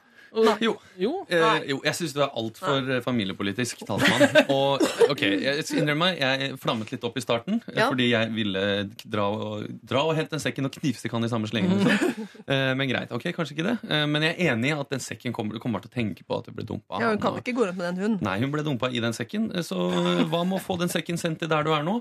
Og så gir du den sekken til et godt formål. Hæ? Ja. Leger uten Ja. sekker. Eh, Eller Fretex, da, for eksempel. Som sikkert vil ha glede av den sekken. En ny, fin sekk. Til et asylmottak! Ja. Ja, ikke sant? Ja. Da kommer den til, til gode. Du får en god følelse. Og jeg tror in the long run så kommer den sekken til å bli glemt både for han og for henne. Ja, vet han i det hele tatt om den? Ja, ja, ja. Han gjør det, han vet Ja. at han skulle få en sekk på et Mm. eller annet tidspunkt. Ja, det tror jeg. Ja. For det som er at Det er jo helt klart liksom et hevnmotiv i å ta tilbake Mm. den sekken. Det er jo ikke på et sånt moralsk grunnlag sånn eh, Han fortjener ikke sekken. Det det er bare hevn. Mm. Sånn lite stikk fra henne. Mm. Men hevnen funker jo ikke når det ikke føles som en hevn for han å ikke motta noe han ikke har mottatt. På en måte. Så det, altså, den Mm. hevnen funker ikke. Hun skal hevne seg, så må hun jo eh, sende han sur melk i posten, eller så må hun gjøre noe, noe som skikkelig svir, liksom. Ja, Eller gi han dårlig samvittighet ved å gi han sekken. Sånn at Ja, men han må får ta... han det? Nei, det er ikke sikkert. Den, Han, på, altså, han gjør ikke det. ikke, Han, det han går ikke. videre. Nei. Men det er en hevn i seg selv. det, Å gi han dårlig samvittighet. Er det ikke det? Jo, hvis han får det, da. Ja, jeg, jeg bare, jeg tror ikke jeg tror ikke han får dårlig samvittighet. Og uansett, Hun vil aldri vite det eller ikke. Det tror Men han kommer jo i hvert fall til å føle på at å, så, se på henne, så raus og fin hun er. Jeg har dumpet henne og fortsatt får den sekken. ikke sant? Mm. Ja, og så håper hun hun da at han skal få bedre tanker sånn. Og Nei, hun ga meg til og med en sekk etterpå. Jeg tror jeg blir sammen henne. Han kan ikke kjøpe tilbake kjæresten sin, så det kommer ikke til å skje. Men jeg tenker at det er, ja, det er alltid bra å være, være raus. Men hva hvis han er en fyr som er sånn Jeg dumpa henne, så fikk jeg sekken likevel. Sykt chill, da. Ja, men hvis han er en sånn fyr, da? Det har du ikke tenkt på, Anette. Nei, men da, ja, men Hun vil jo aldri få vite det. Jo, hun vet jo det innerst inne, om han er en sånn jeg vil bare ha et år med, med liksom, på fittefolkehøyskole, liksom. Og sorry, ass, men jeg har ikke, du kan ikke flytte inn her nå, for gutta er her og spiller Fifa. Ja, det er jo det han sier, da. Eller hun sier om han, iallfall. Ja. Uh, så det kan godt hende han er Ja, en sånn nei, fyr. men da, da gir vi den sekken til et uh, asylmottak, da. Ja, jeg har Ikke lyst til vi. å komme på noe mer ukorrekt enn det, eh, men jeg klarer det ikke. så, jeg trekker, så jeg trekker meg. Eventuelt hente på posten, fylle med bæsj, og så sende den. Ja, det er bedre! Ikke til asylmottaket, da. Men altså Eller Nei, jo! nei, nei, nei, nei, nei, nei. Så uh, gutta, nå har dere altså klart å dra med dere uh, Anette Trettebergstuen Nei, på eh, deres side eh, og få sekken hjem igjen. Nei, men jeg, Egentlig så er jeg for at hun skal stå ved at hun hadde lyst til å gi han en fin sekk og være raus og liksom holde på det hun hadde før han dumpa henne. Men vi som ja, Nei. Eller bæsj. Eller bæsj. Eller bæsj, ja. Velg selv. Du får bestemme, Siri. Du Jeg får tror bestemme. bare Vilde, uansett om hun tar tilbake sekken eller om hun lar ham beholde den, så og hun oppnår ingenting ved verken det ene eller det andre. Og da tenker jeg, hva er mest drama? Jo, mest drama er å skulle Jeg skal ha tilbake sekken! Ikke sånn, men ikke lag noe drama. Han har dumpet deg, la det ligge, gå videre. Mm. Så jeg ville bare latt sekken være der den er. Altså på posten. Ja, han henter den jo hvis ikke hun henter den. Ja, ok. Ikke sant? Den blir ikke Mm. bare liggende der. Nei, Så det er han som får den, da, til slutt. Ja, Og hvis han Ja. ikke henter den, så blir den vel sendt i retur til henne en gang til. Da, Mm. da, er, det jo, da er det jo greit. Bør i hvert fall ikke beholde den sekken etterpå, for det virker som det er mye eh, Mm. dårlige tanker som kommer opp når den sekken eh, dukker opp. Så ikke behold den selv. Da må du bytte den eller gi den til noen andre. Kan ikke få i pose og sekk. Nei, Nei. kan ikke det. Kan ikke det. Man kan faktisk det. Men Eh, hevn er En gang så jeg en sekk oppi en pose, faktisk, som jeg fikk. Det er sjukt. Jeg har sett pose i sekk òg, jeg. Ja, ja. Men du, Vilde, eh, jeg tror det du skal er å tenke litt gjennom hva det er det du vil oppnå ved eventuelt ta den tilbake eller ikke ta den tilbake. Fordi det jeg tror du bare må være klar over, at du oppnår ingenting verken med, ved det ene eller det andre. Eh, så ikke lag noe drama ut av det. Men hvis den sekken havner hos deg igjen av en eller annen grunn, enten fordi du faktisk jo velger å be om den tilbake, eller fordi den blir sendt i retur, så kan du enten gi den til et veldedig forhold ikke forhold. Et veldedig forhold. Det er Ari Behn og Martha Lois. Et veldedig formål. Eh, Eller så kan du, eh, og dette har til og med en politiker sagt, du kan fylle den med bæsj. Det kan du gjøre. Men da må du sende den altså til din eks. Da begynner vi nemlig å lukte på en skikkelig hevn. Bare la han ha sekken. Det er ikke hevn. Fyll den med bæsj. Det er faktisk hevn. Ønsker du denne typen råd, så er det bare å sende inn en mail til oss. lralfakrøll.nrk.no, eller legge inn på p3.no sine sider. Der er det et ferdig skjema hvor du anonymt kan sende inn ditt eh, problem. Nå skal vi over til et eh, problem som jeg tenker Hvis man kjenner seg igjen i dette, så er det veldig uh, Syns jeg dere er eh, eh, modige som sier det. Ok. Kjære Lørdagsrådet. Hvordan vet man egentlig om man elsker noen? Jeg har vært sammen med kjæresten min i seks år, og vi har eh, det alt i alt veldig fint. Han er verdens snilleste, og jeg vet at han elsker meg. Når vi er sammen, har vi det alltid gøy. Jeg kan være 100% meg selv, og vi tuller og tøyser mye. Men elsker jeg han? Jeg aner ikke. Elsker jeg bare at han elsker meg, kanskje? Det beste jeg vet, er å være sammen med kjæresten min. Men straks vi skal være sammen med min familie eller mine venner, så gruer jeg meg alltid litt og klarer ikke å slappe helt av. Av og til gjør han meg flau. Han har en spesiell form for humor, og det passer ikke på en måte så godt inn i vår familie. Derfor syns jeg ofte det er eh, lettest at det kun er eh, meg når jeg skal treffe familie eller venner. Når vi er sammen med hans familie og venner, derimot, så slapper jeg helt av og har det fint, fordi de kjenner jo han og liker han for den han er. Jeg vil så gjerne at mine skal like han, og at de skal se hvor bra han er. Og vil gjerne at de skal bli godt kjent med han og kunne snakke sammen uten at jeg hele tiden må være i rommet. Huff, går det an å elske han selv om jeg blir flau over han og gjerne skulle forandre et par ting ved han? Når jeg tenker på det eh, og eventuelt gjør det slutt, så blir jeg kvalm. Det er jo helt umulig. Tenk så forferdelig han kommer til å ha det, og hvor forferdelig jeg kommer til å ha det. Og hvorfor gjøre det slutt med så fin fyr? Han er så god! Det hadde vært så godt å høre noen snakke litt om det å elske noen og det å være flau over og ha eller um, et ønske om å forandre sin kjæreste. Tusen takk for fantastisk program, Ingrid 28. -hmm. Mm. Men uh, forandringen der, går den bare på når de møter øh, familien hennes? Ja, hennes venner og hennes familie. Ja. Ikke hans. Nei, for der må man jo da uh, gjøre forskjell på familien din og deg selv. Altså, Ja. hva er dine helt ekte følelser? Og de burde egentlig ikke familien din ha noe med å gjøre, tenker jeg. Sånn i utgangspunktet. Eh, hvis du faktisk, Det var noe om humor her. Ja. Hvis du faktisk egentlig liker den humoren, og du ler av den når dere bare er dere to, så liker du han åpenbart. Ja. Eh, da er det bare det at, eh, at familien din blir flau. Det, det er ikke noe du nødvendigvis trenger å ta hensyn til. Dette er jo hvor, hvor gamle er de? Eh, 28 er hun. Det står ikke 28. noen aldersforskjell, så det er det vel Ja, men dette er jo litt sånn klassisk, ikke sant? Eh, Det er jo ikke han det er noe feil med. Tvert imot så høres det ut som han er den perfekte fyren for henne. Det er ingenting galt i hennes øyne med den fyren. Men det er han i møte med resten av en, en del av hennes liv. Mm. Egentlig bare familien hennes. Ja, det Og vennene hennes. og, Vennene venn, hennes Mm. hennes. Det kan jeg skjønne at det er problematisk. Eh, Men, ehm, men eh, Og det er jo ikke, ikke bra å gå rundt og være flau over kjæresten sin i enkelte sammenhenger, men det er jo Det kan jo hende det er et eller annet med hennes venner og hennes familie som bare trenger å bli vant til hans humor, eh, bli kjent med han. Um, ja, jeg vet ikke hva slags råd jeg skal gi, men, men Men, ok, Hun kan jo Kjapt spørsmål som dere Ja. kan svare ja eller nei på. Skal han forandre seg, syns vi? Nei, hun kan aldri Nei. forandre han. Skal han forandre seg, så plutselig så hennes familie liker han, men da liker ikke hans familie hans venner han lenger? For han er kanskje en annen ikke fyr. hun liker han lenger heller. Hun kommer ikke til å kunne forandre han, så det skal hun ikke gjøre. Hvis noen skal forandre seg, hvem skulle det vært i så fall? Familien. familien. Eller hun? Kunne hun forandra seg på Ja. det der med å være Ja, flau nei, jeg over, tror, eller? ja, jeg tror det er nok um, kanskje litt der Det kan hende at det er der problemet ligger. Ja. Mm. De har vært sammen i seks år, da. Mm. Ja. Men er jo har vi ikke alle hatt en kjæreste en gang som har hatt noen sånne sider som vi kanskje ikke var sånn, synes- satt så stor pris på? Og Kanskje var litt sånn Ja, men det er jo all, sånn, det gjelder jo øh, både familien din, vennene dine og også kjæresten din. At det fins jo ting man har lyst til å forandre på. Mm. Men det, det er- gjør det jo. Det er jo noe annet om eh, man vil forandre på at den personen eh, tygger jævla høyt, eller om den personen har feil humor eller liker andre bøker. Ja, Men det er ikke et problem for henne. Nei, Nei, det er et problem for henne. Men Men det det noe- blir et problem for henne fordi det som er resultatet her, Mm. som hun jo så vidt nevner her, er at øh, når det foregår noe i hennes familie med hennes venner, så er ikke han med. Samtidig så ønsker hun at de skal lære å elske han og se det hun ser. Hvordan i aller huleste land og rike Ja, skal de forstå det når han ikke får lov å være med og leke? Ja. Nei, det høres veldig Og så må hun jo umulig også, ut. og så tror jeg at hun bare må akseptere at vi liker ikke alle de eh, samme personene like godt. Eh, og alle kommer ikke til å sette like stor pris på kjæresten hennes som det hun selv gjør. Det må hun leve med. Eh, men hun kan jo ikke drive og ekskludere ham fra å delta likevel. Så kanskje hun må stå litt opp for ham, da. Hun Ja. er sammen i seks år, elsker han, elsker å være sammen med han og liker den humoren sjøl. Jeg er ikke sikker på om hun elsker han. Det er jo det som er hovedproblemet sier her i tillegg. hun spør om kan jeg elske han. Altså, elsker han Hvordan når vet jeg er man egentlig om Ja. man elsker noen? Ja. Starter hun med. Og jeg synes det, er, øh, det er et fint spørsmål. Mm. Jeg skulle ønske jeg hadde svaret på det. Men jeg kan jo si sånn erfaringsmessig Jeg vet ikke hvor mange tusen mail jeg har lest fra uh, dere som sender inn til oss i Lørdagsrådet. Uh, uh, det har jeg ikke tall på. Men det er sjelden jeg syns noen beskriver kjæresten sin så positivt som det Ingrid gjør her. Hun sier så fine ting om kjæresten sin som nesten ingen andre gjør. De fleste skriver sånn 'Han er innmari hyggelig, men' Og så kommer det masse greier.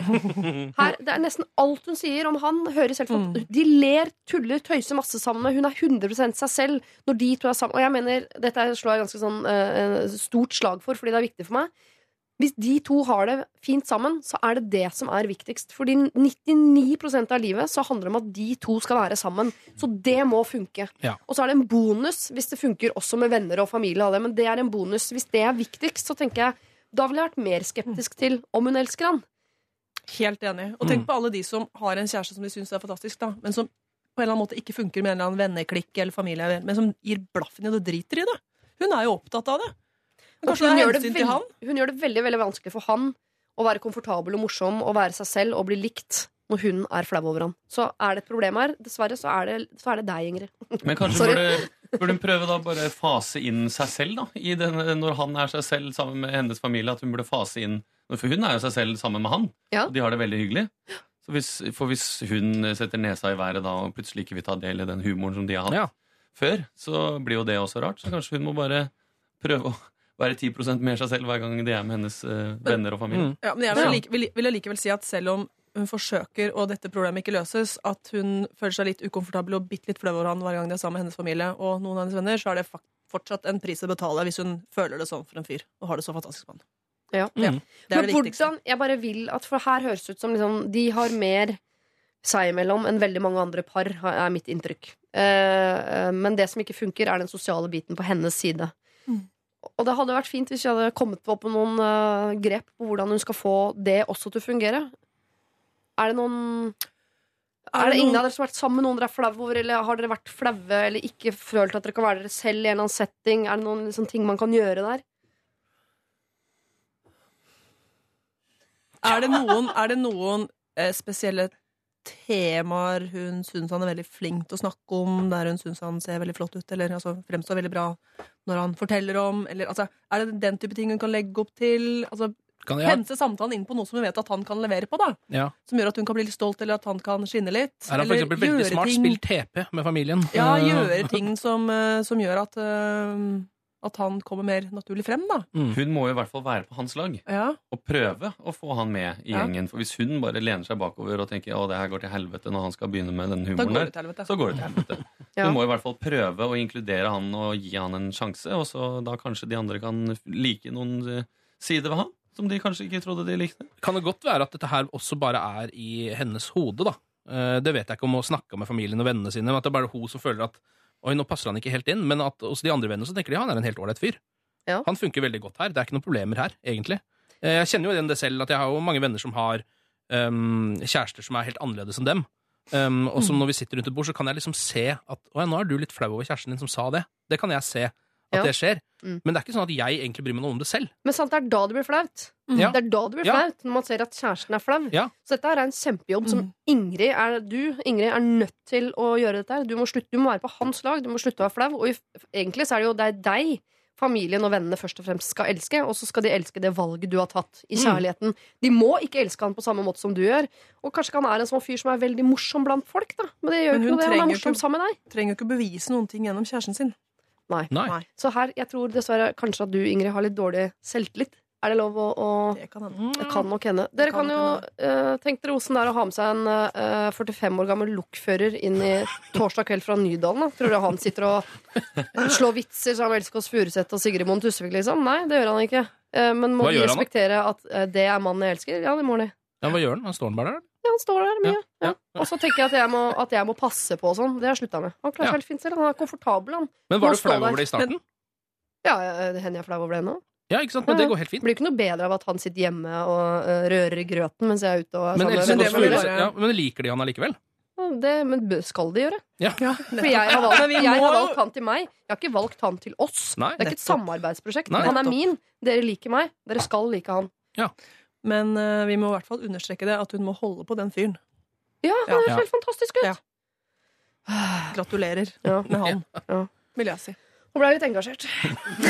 Gleder meg til å møte mannen din nå. Ja, han er en veldig fin fyr, han. Ingrid, eh, 28. Du elsker han, det føler jeg meg ganske trygg på. Eh, Det du ikke elsker, er din egen usikkerhet på han i møte med dine venner. Fordi du eh, tydeligvis har et eller annet du syns er vanskelig ovenfor dem. Og det er en jobb du må gjøre. Og hvordan gjør du det? Jo, han må være oftere sammen med dem, mer sammen med dem. For hvis de skal se det du ser, så må de se han oftere. Og de må ikke se at du sitter ved siden av og himler med øynene, og at du er flau. For det er da det blir flaut. Det er en eh, tung og lang vei å gå, men du har starta, og du er nødt til å fullføre. Nok en fantastisk låt av Kygo fikk vi her. Stay heter altså den. Og vi skal over til et problem som er av den praktiske sorten, egentlig, men konfliktskyhet spiller også en stor rolle i dette. Eh, dere skal få lov til å løse det enten hver for dere eller sammen, da, men vi gjør det jo som en samtale, folkens. Gjør vi ikke det, da? da, Eh, Ken Vasenius Nilsen, Christian Mikkelsen og Anette Trettebergstuen. Her står det. For noen år siden lånte jeg moren min 4500 kroner. Nå vil jeg gjerne ha de tilbake, ettersom jeg er student og jeg ikke har den beste økonomien. Moren min har ikke fantastisk økonomi, hun heller, men hun har absolutt alt hun trenger i verden. Fin leilighet, designmøbler, hytte i skogen osv. Greia er at jeg er så utrolig konfliktsky, en nier kanskje. Det er så tragisk at jeg var sammen med en fyr jeg ikke likte i syv måneder fordi jeg ikke turte å si ifra. Så kjære rådet, hvordan skal jeg få pengene tilbake fra min mor? Hilsen Nora. Eller vennligst hilsen Nora. står. Men Det første jeg lurer på, er jo det er litt på siden, men hvordan i alle dager kan man ha ikke god økonomi og likevel ha designmøbler og hytte på fjellet? Eh, er det Har du sett Luksusfellen? Eh, ja, jeg har det. Eh, ja, Det må være såpass. Men det er vel sånn det er i det norske velferdssamfunnet? At hun er i en, en relativt god middelklassestilling, da? Er det ikke det? Ja, men da har man ikke god råd da, da? Det er jo Jeg mener nysgjerrig på hvorfor man låner 4500 kroner av datteren sin. ja. Det høres veldig Har hun uh, av komf-penger, da? Eller hva? Ja. Altså, mora burde jo Hvor lenge siden var det? For noen år siden. For noen år siden. Er Ja. merkelig at mora har latt det ligge sjøl, da. Ja. Um, men så konfliktsky. Hadde vært sammen med en fyr i sju måneder som du ikke likte. Da snakker vi konfliktsky, altså.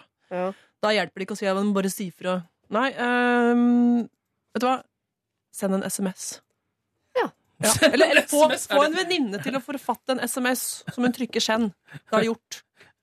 Det går an. Jeg er veldig konfliktsky selv. Ja. Eh, nesten så langt opp som en nier, eh, vil jeg kanskje si. Eh, kanskje en åtter. Men akkurat det her tror jeg ikke jeg hadde hatt så nøye. Var du sammen med en fyr i syv måneder? Tørte du si fra at du var hetero? Eh, nei. ikke ennå. Ikke ennå. Man vet aldri hva som skjer rundt neste sving. Eh, men, eh, nei, men akkurat det her tror jeg ikke jeg hadde hatt så nøya noia for. Men jeg skjønner jo at det kan være ekkelt hvis eh, La oss legge bort alt det hyttegreiene og sånn, men hvis moren ikke har så god eh, økonomi at hun ikke har 4500 slengende rundt på sparekontoen Mm. Eh, Men eh, da går det jo Jeg vet ikke om man eh, Det blir, er sånn rart datter-mor-forhold når du må be om å få pengene Ja. tilbake Ja. i avdrag også.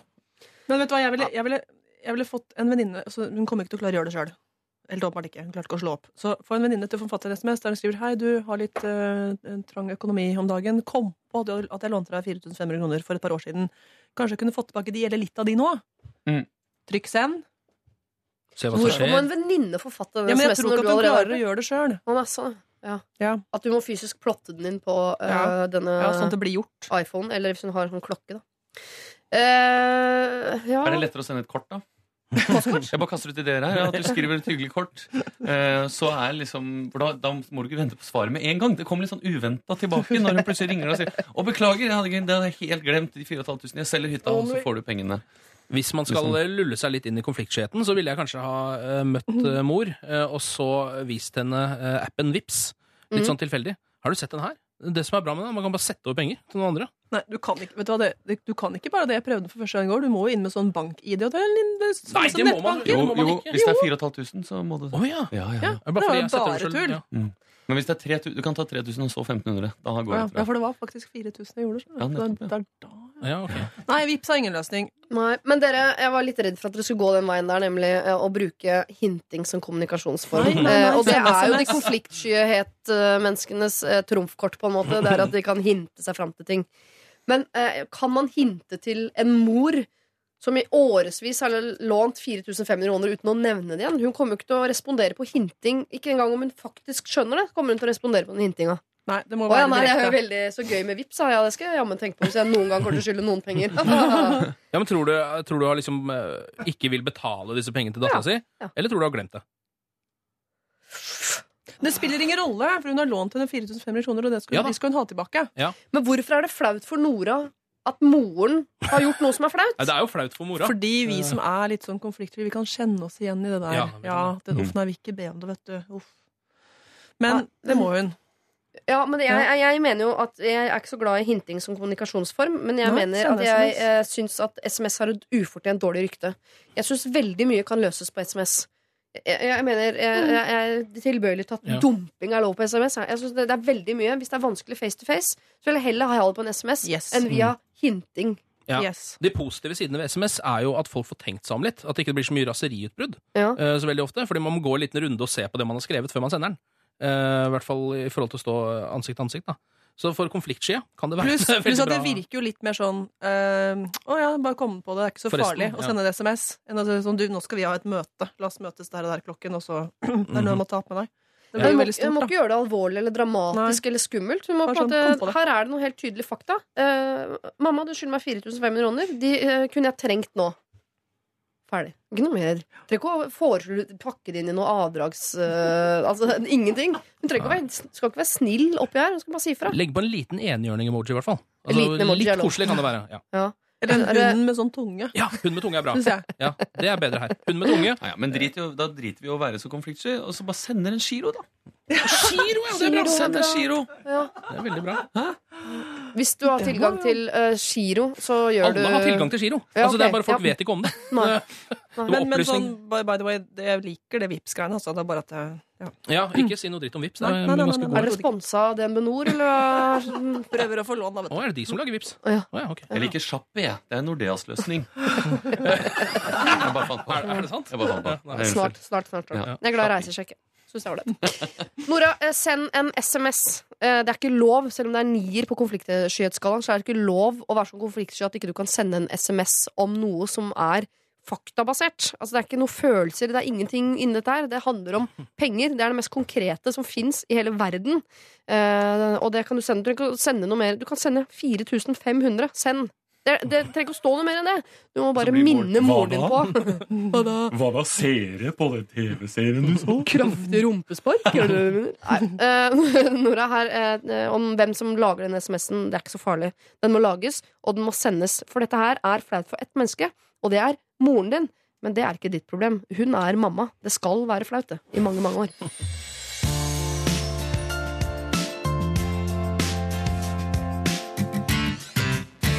Susanne Sundfør sammen med Røyksopp, 'Running to the Sea'. Jeg husker når låta kom, så sa jeg Røyksopp sammen med Susanne Sundfør. Hæ? Sprøtt på maktfordelinga har eh, snudd seg i løpet av bare noen få små år. Altså 'Running to the Sea' der. Vi skal dele ut en uh, kopp. Eh, Nå har uh, Lørdagsrådekoppene gått fra å være sorte til å bli grå. Ikke fordi jeg vasket de på ullprogrammet, eller sånn, men vi har altså bestilt et nytt parti. Så årets modell er av den grå typen, og de er ganske jeg vil si de er ganske fancy, rett og slett.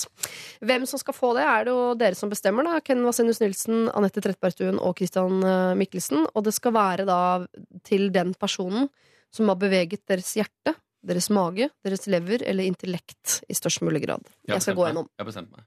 Har du bestemt deg? Ja. Å, jeg er spent. Mm. Skriv det på en lapp. Ja, ja, ok. Men ikke vis det før Nei, etterpå. Bare er skriv det på en lapp. ok. Vi eh, startet eh, tidlig i dag morges med Morten, som ufrivillig hadde blitt kysset av en eh, fremmed jente på byen. Og han har mistet matlysten i etterkant og lurer på om han kan fortelle dette her til, til sin kjæreste. Så har vi da eh, Victoria, som i dag antageligvis skal på nakenspa og bade i melk med en ti år eldre mann hun dater. har, så, har så lyst til å være med. Har så lyst til å være med. Og så har vi eh, Amfi, Amfi, som bor i første etasjen på en blokk der nabobarna i andre etasje spiller fotball og hopper hoppetau inne. Eh, vi har uh, Iselin, som er eh, så eh, flau over å gå til psykolog, eh, i hvert fall overfor foreldrene sine. Hun har ikke noe lyst og kvier seg for å fortelle sine foreldre om det.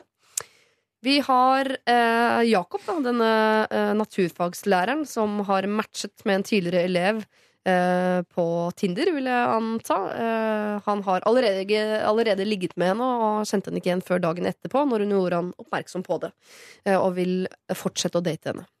Eh, vi har Vilde, som har sendt en ganske dyr og fin gave til det som hun trodde var kjæresten, men innen pakka kom fram, takket være posten, så er det vips en X. Skal du la han beholde denne gaven. Vi har også prøvd å hjelpe Ingrid, som er flau over mannen jeg vil påstå at hun elsker.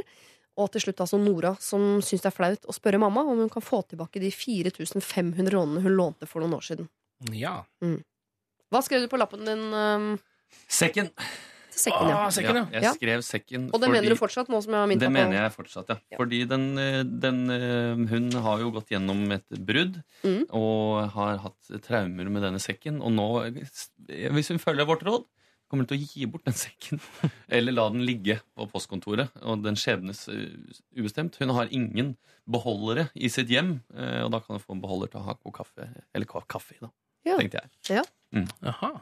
Ja, jeg, jeg, jeg liker jo logikken i det, på et vis. Eh, Jeg tror kanskje at jeg tenkte at den som har det all, Eller som jeg sympatiserte mest med, var um, Hun skulle ta opp eh, psykolog, psykologtimene sine med foreldrene sine. Ja. Eh, var det Iselin? Var det det het? Mhm.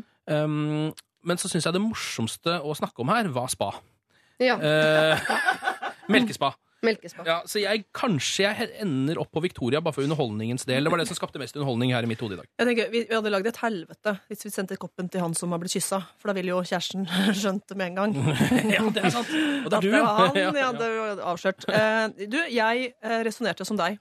Uh, jeg syns uh, det Jeg kommer til å tenke på melkebad og pung og, så, og, nest, og liksom-badetøy kjempelenge. Um, jeg vil at hun skal få koppen, jeg. Altså, den koppen blir fylt med pung. Det må dere bare Eller med Kan det de velger å melk kalle morgen. melk på det spaet, som er gammalmannssæd. Ok. Nei, men jeg tenker at det, hvis hun følger vårt råd og drar, og bare står i det, eh, så fortjener hun en kopp. Mm. så skal hun ha for å delte den historien. Så jeg synes det var morsomt. Nå var jo dette i dag, så får ikke tatt med seg koppen, men det kunne Nei, vært nei. interessant, for det kunne jo eh, ha vært teabagging på flere nivåer uh, oppi denne koppen. Ikke teabag i koppene fra Lørdagsrådet. Mm, eh, Det må man jo, Hvis man liker te, så må man nesten ha mulighet Og til sånn det. Sånn Mm. Ja, skjønner. Ja. Ja, for det skjønte ikke jeg nemlig. Nei. Nei. Hva det Nei. om. Nei, det er ikke så vanlig i lesbemiljøene å drive med teabagging. for Det er vel så å si umulig. Ja. Vi lesbiske, vi, vi drikker bare te, vi. Vi Ja, det er ikke ikke hverandre. sant. Det sånn, er veldig mye teabagging i heteromiljøene. Er Det det er masse teabag. det er garantert et uttrykk for teabagging på lesbefronten. Det bare heter noe annet. Ja. Skal vi snakke om det etterpå, eller kan vi gjøre det nå? Roast Kan vi gjøre beef bagging. Roastbeefing. Ja, roast beefing. Ja. Ok, vi har i hvert fall lagd det. Kalsoning, da. Nei, jeg vet ikke. Kalsone er digg! Ja, kalson er digg. Hvis du tar kanten av kalsonen og dytter Ja. den i munnen. Ok, eh, Kristian, det er litt eh, avhengig av deg at du må eh, vippes over i melkebassenget her for at koppen skal gå til eh, Victoria. Ja, ok, det er Men hva mener Ja. du, da? Nei, jeg har ikke noe jeg skulle ha sagt. Ja. Du, og det er vi som Så skal det er litt som i bestemme. Jeg Making a skjønner at det er Murderer. To mot én, da. Ja. Vi er to mot én her, er vi ikke det? For du er også på spa. Ja. Ja. Mm. Du kan vippe hele saken nå over til Manitowoc County sitt uh, nei, men da det, er- det er bare å si til deg med sekken Jeg, Jeg håper du finner deg en annen fin kopp. På Kitchen, for eksempel, er et fint sted å gå. Ikke at jeg er sponsa av Kitchen. Det finnes sikkert eh, Traktøren også Du kan komme på. Stortinget og få en av meg. Åh, da går vi for ja, ja. eh, men Snakker du til meg nå, eller med sekken? Nei, med sekken. Jeg kan komme med dere òg. Ok, vi har tydelig blitt en gjeng her, for nå Vi skravla løst. Vi går for eh, Men melke, eh, melkedama, da. Ja. Hun som må i bassenget naken. Victoria, du får i pose og sekk i dag, så innmari. Du får altså en Lørdagsrådet-kopp, og det er kanskje en fattig trøst der du sitter naken i et basseng fullt av det de påstår er melk sammen eldre herremann i dag. Eh, vær så god. Og Jeg skal i tillegg gi ut en eh, gave jeg ikke har gitt ut på over et år, tror jeg. Jeg skal dele ut en lokfører-T-skjorte i dag. Jeg vet ikke helt hvor de er, så jeg må lete litt. Men eh, i verste fall så får jeg trykke opp en T-skjorte ekstra. Fordi jeg mener at eh, kjæresten til eh, Ingrid han skal få en lokfører-T-skjorte. Ja! Han høres ut Ja! som en fantastisk fin fyr. Og jeg syns faktisk, jeg glemte å si det her, du kan faktisk, selv om det blir litt vondt for han, si til han at du syns det er flaut, og så kan dere sammen se om dere kan komme på en løsning på hvordan dere to skal fungere sosialt, også i din familie og i din vennegjeng. For det gagner dere begge, og det gagner kjærligheten. Ja. Det blir altså lokfører-T-skjorte til uh, han, fordi jeg liker han så godt. Og så blir det denne koppen da opp til melkespa. Får vi noe, eller? Dere får ingenting, bortsett fra at jeg ønsker dere en fortreffelig lørdag videre. Og så ønsker jeg dere hjertelig velkommen tilbake til Lørdagsrådet. Takk, takk. Tusen hjertelig takk. Ha det! Ha det! Dette er P3.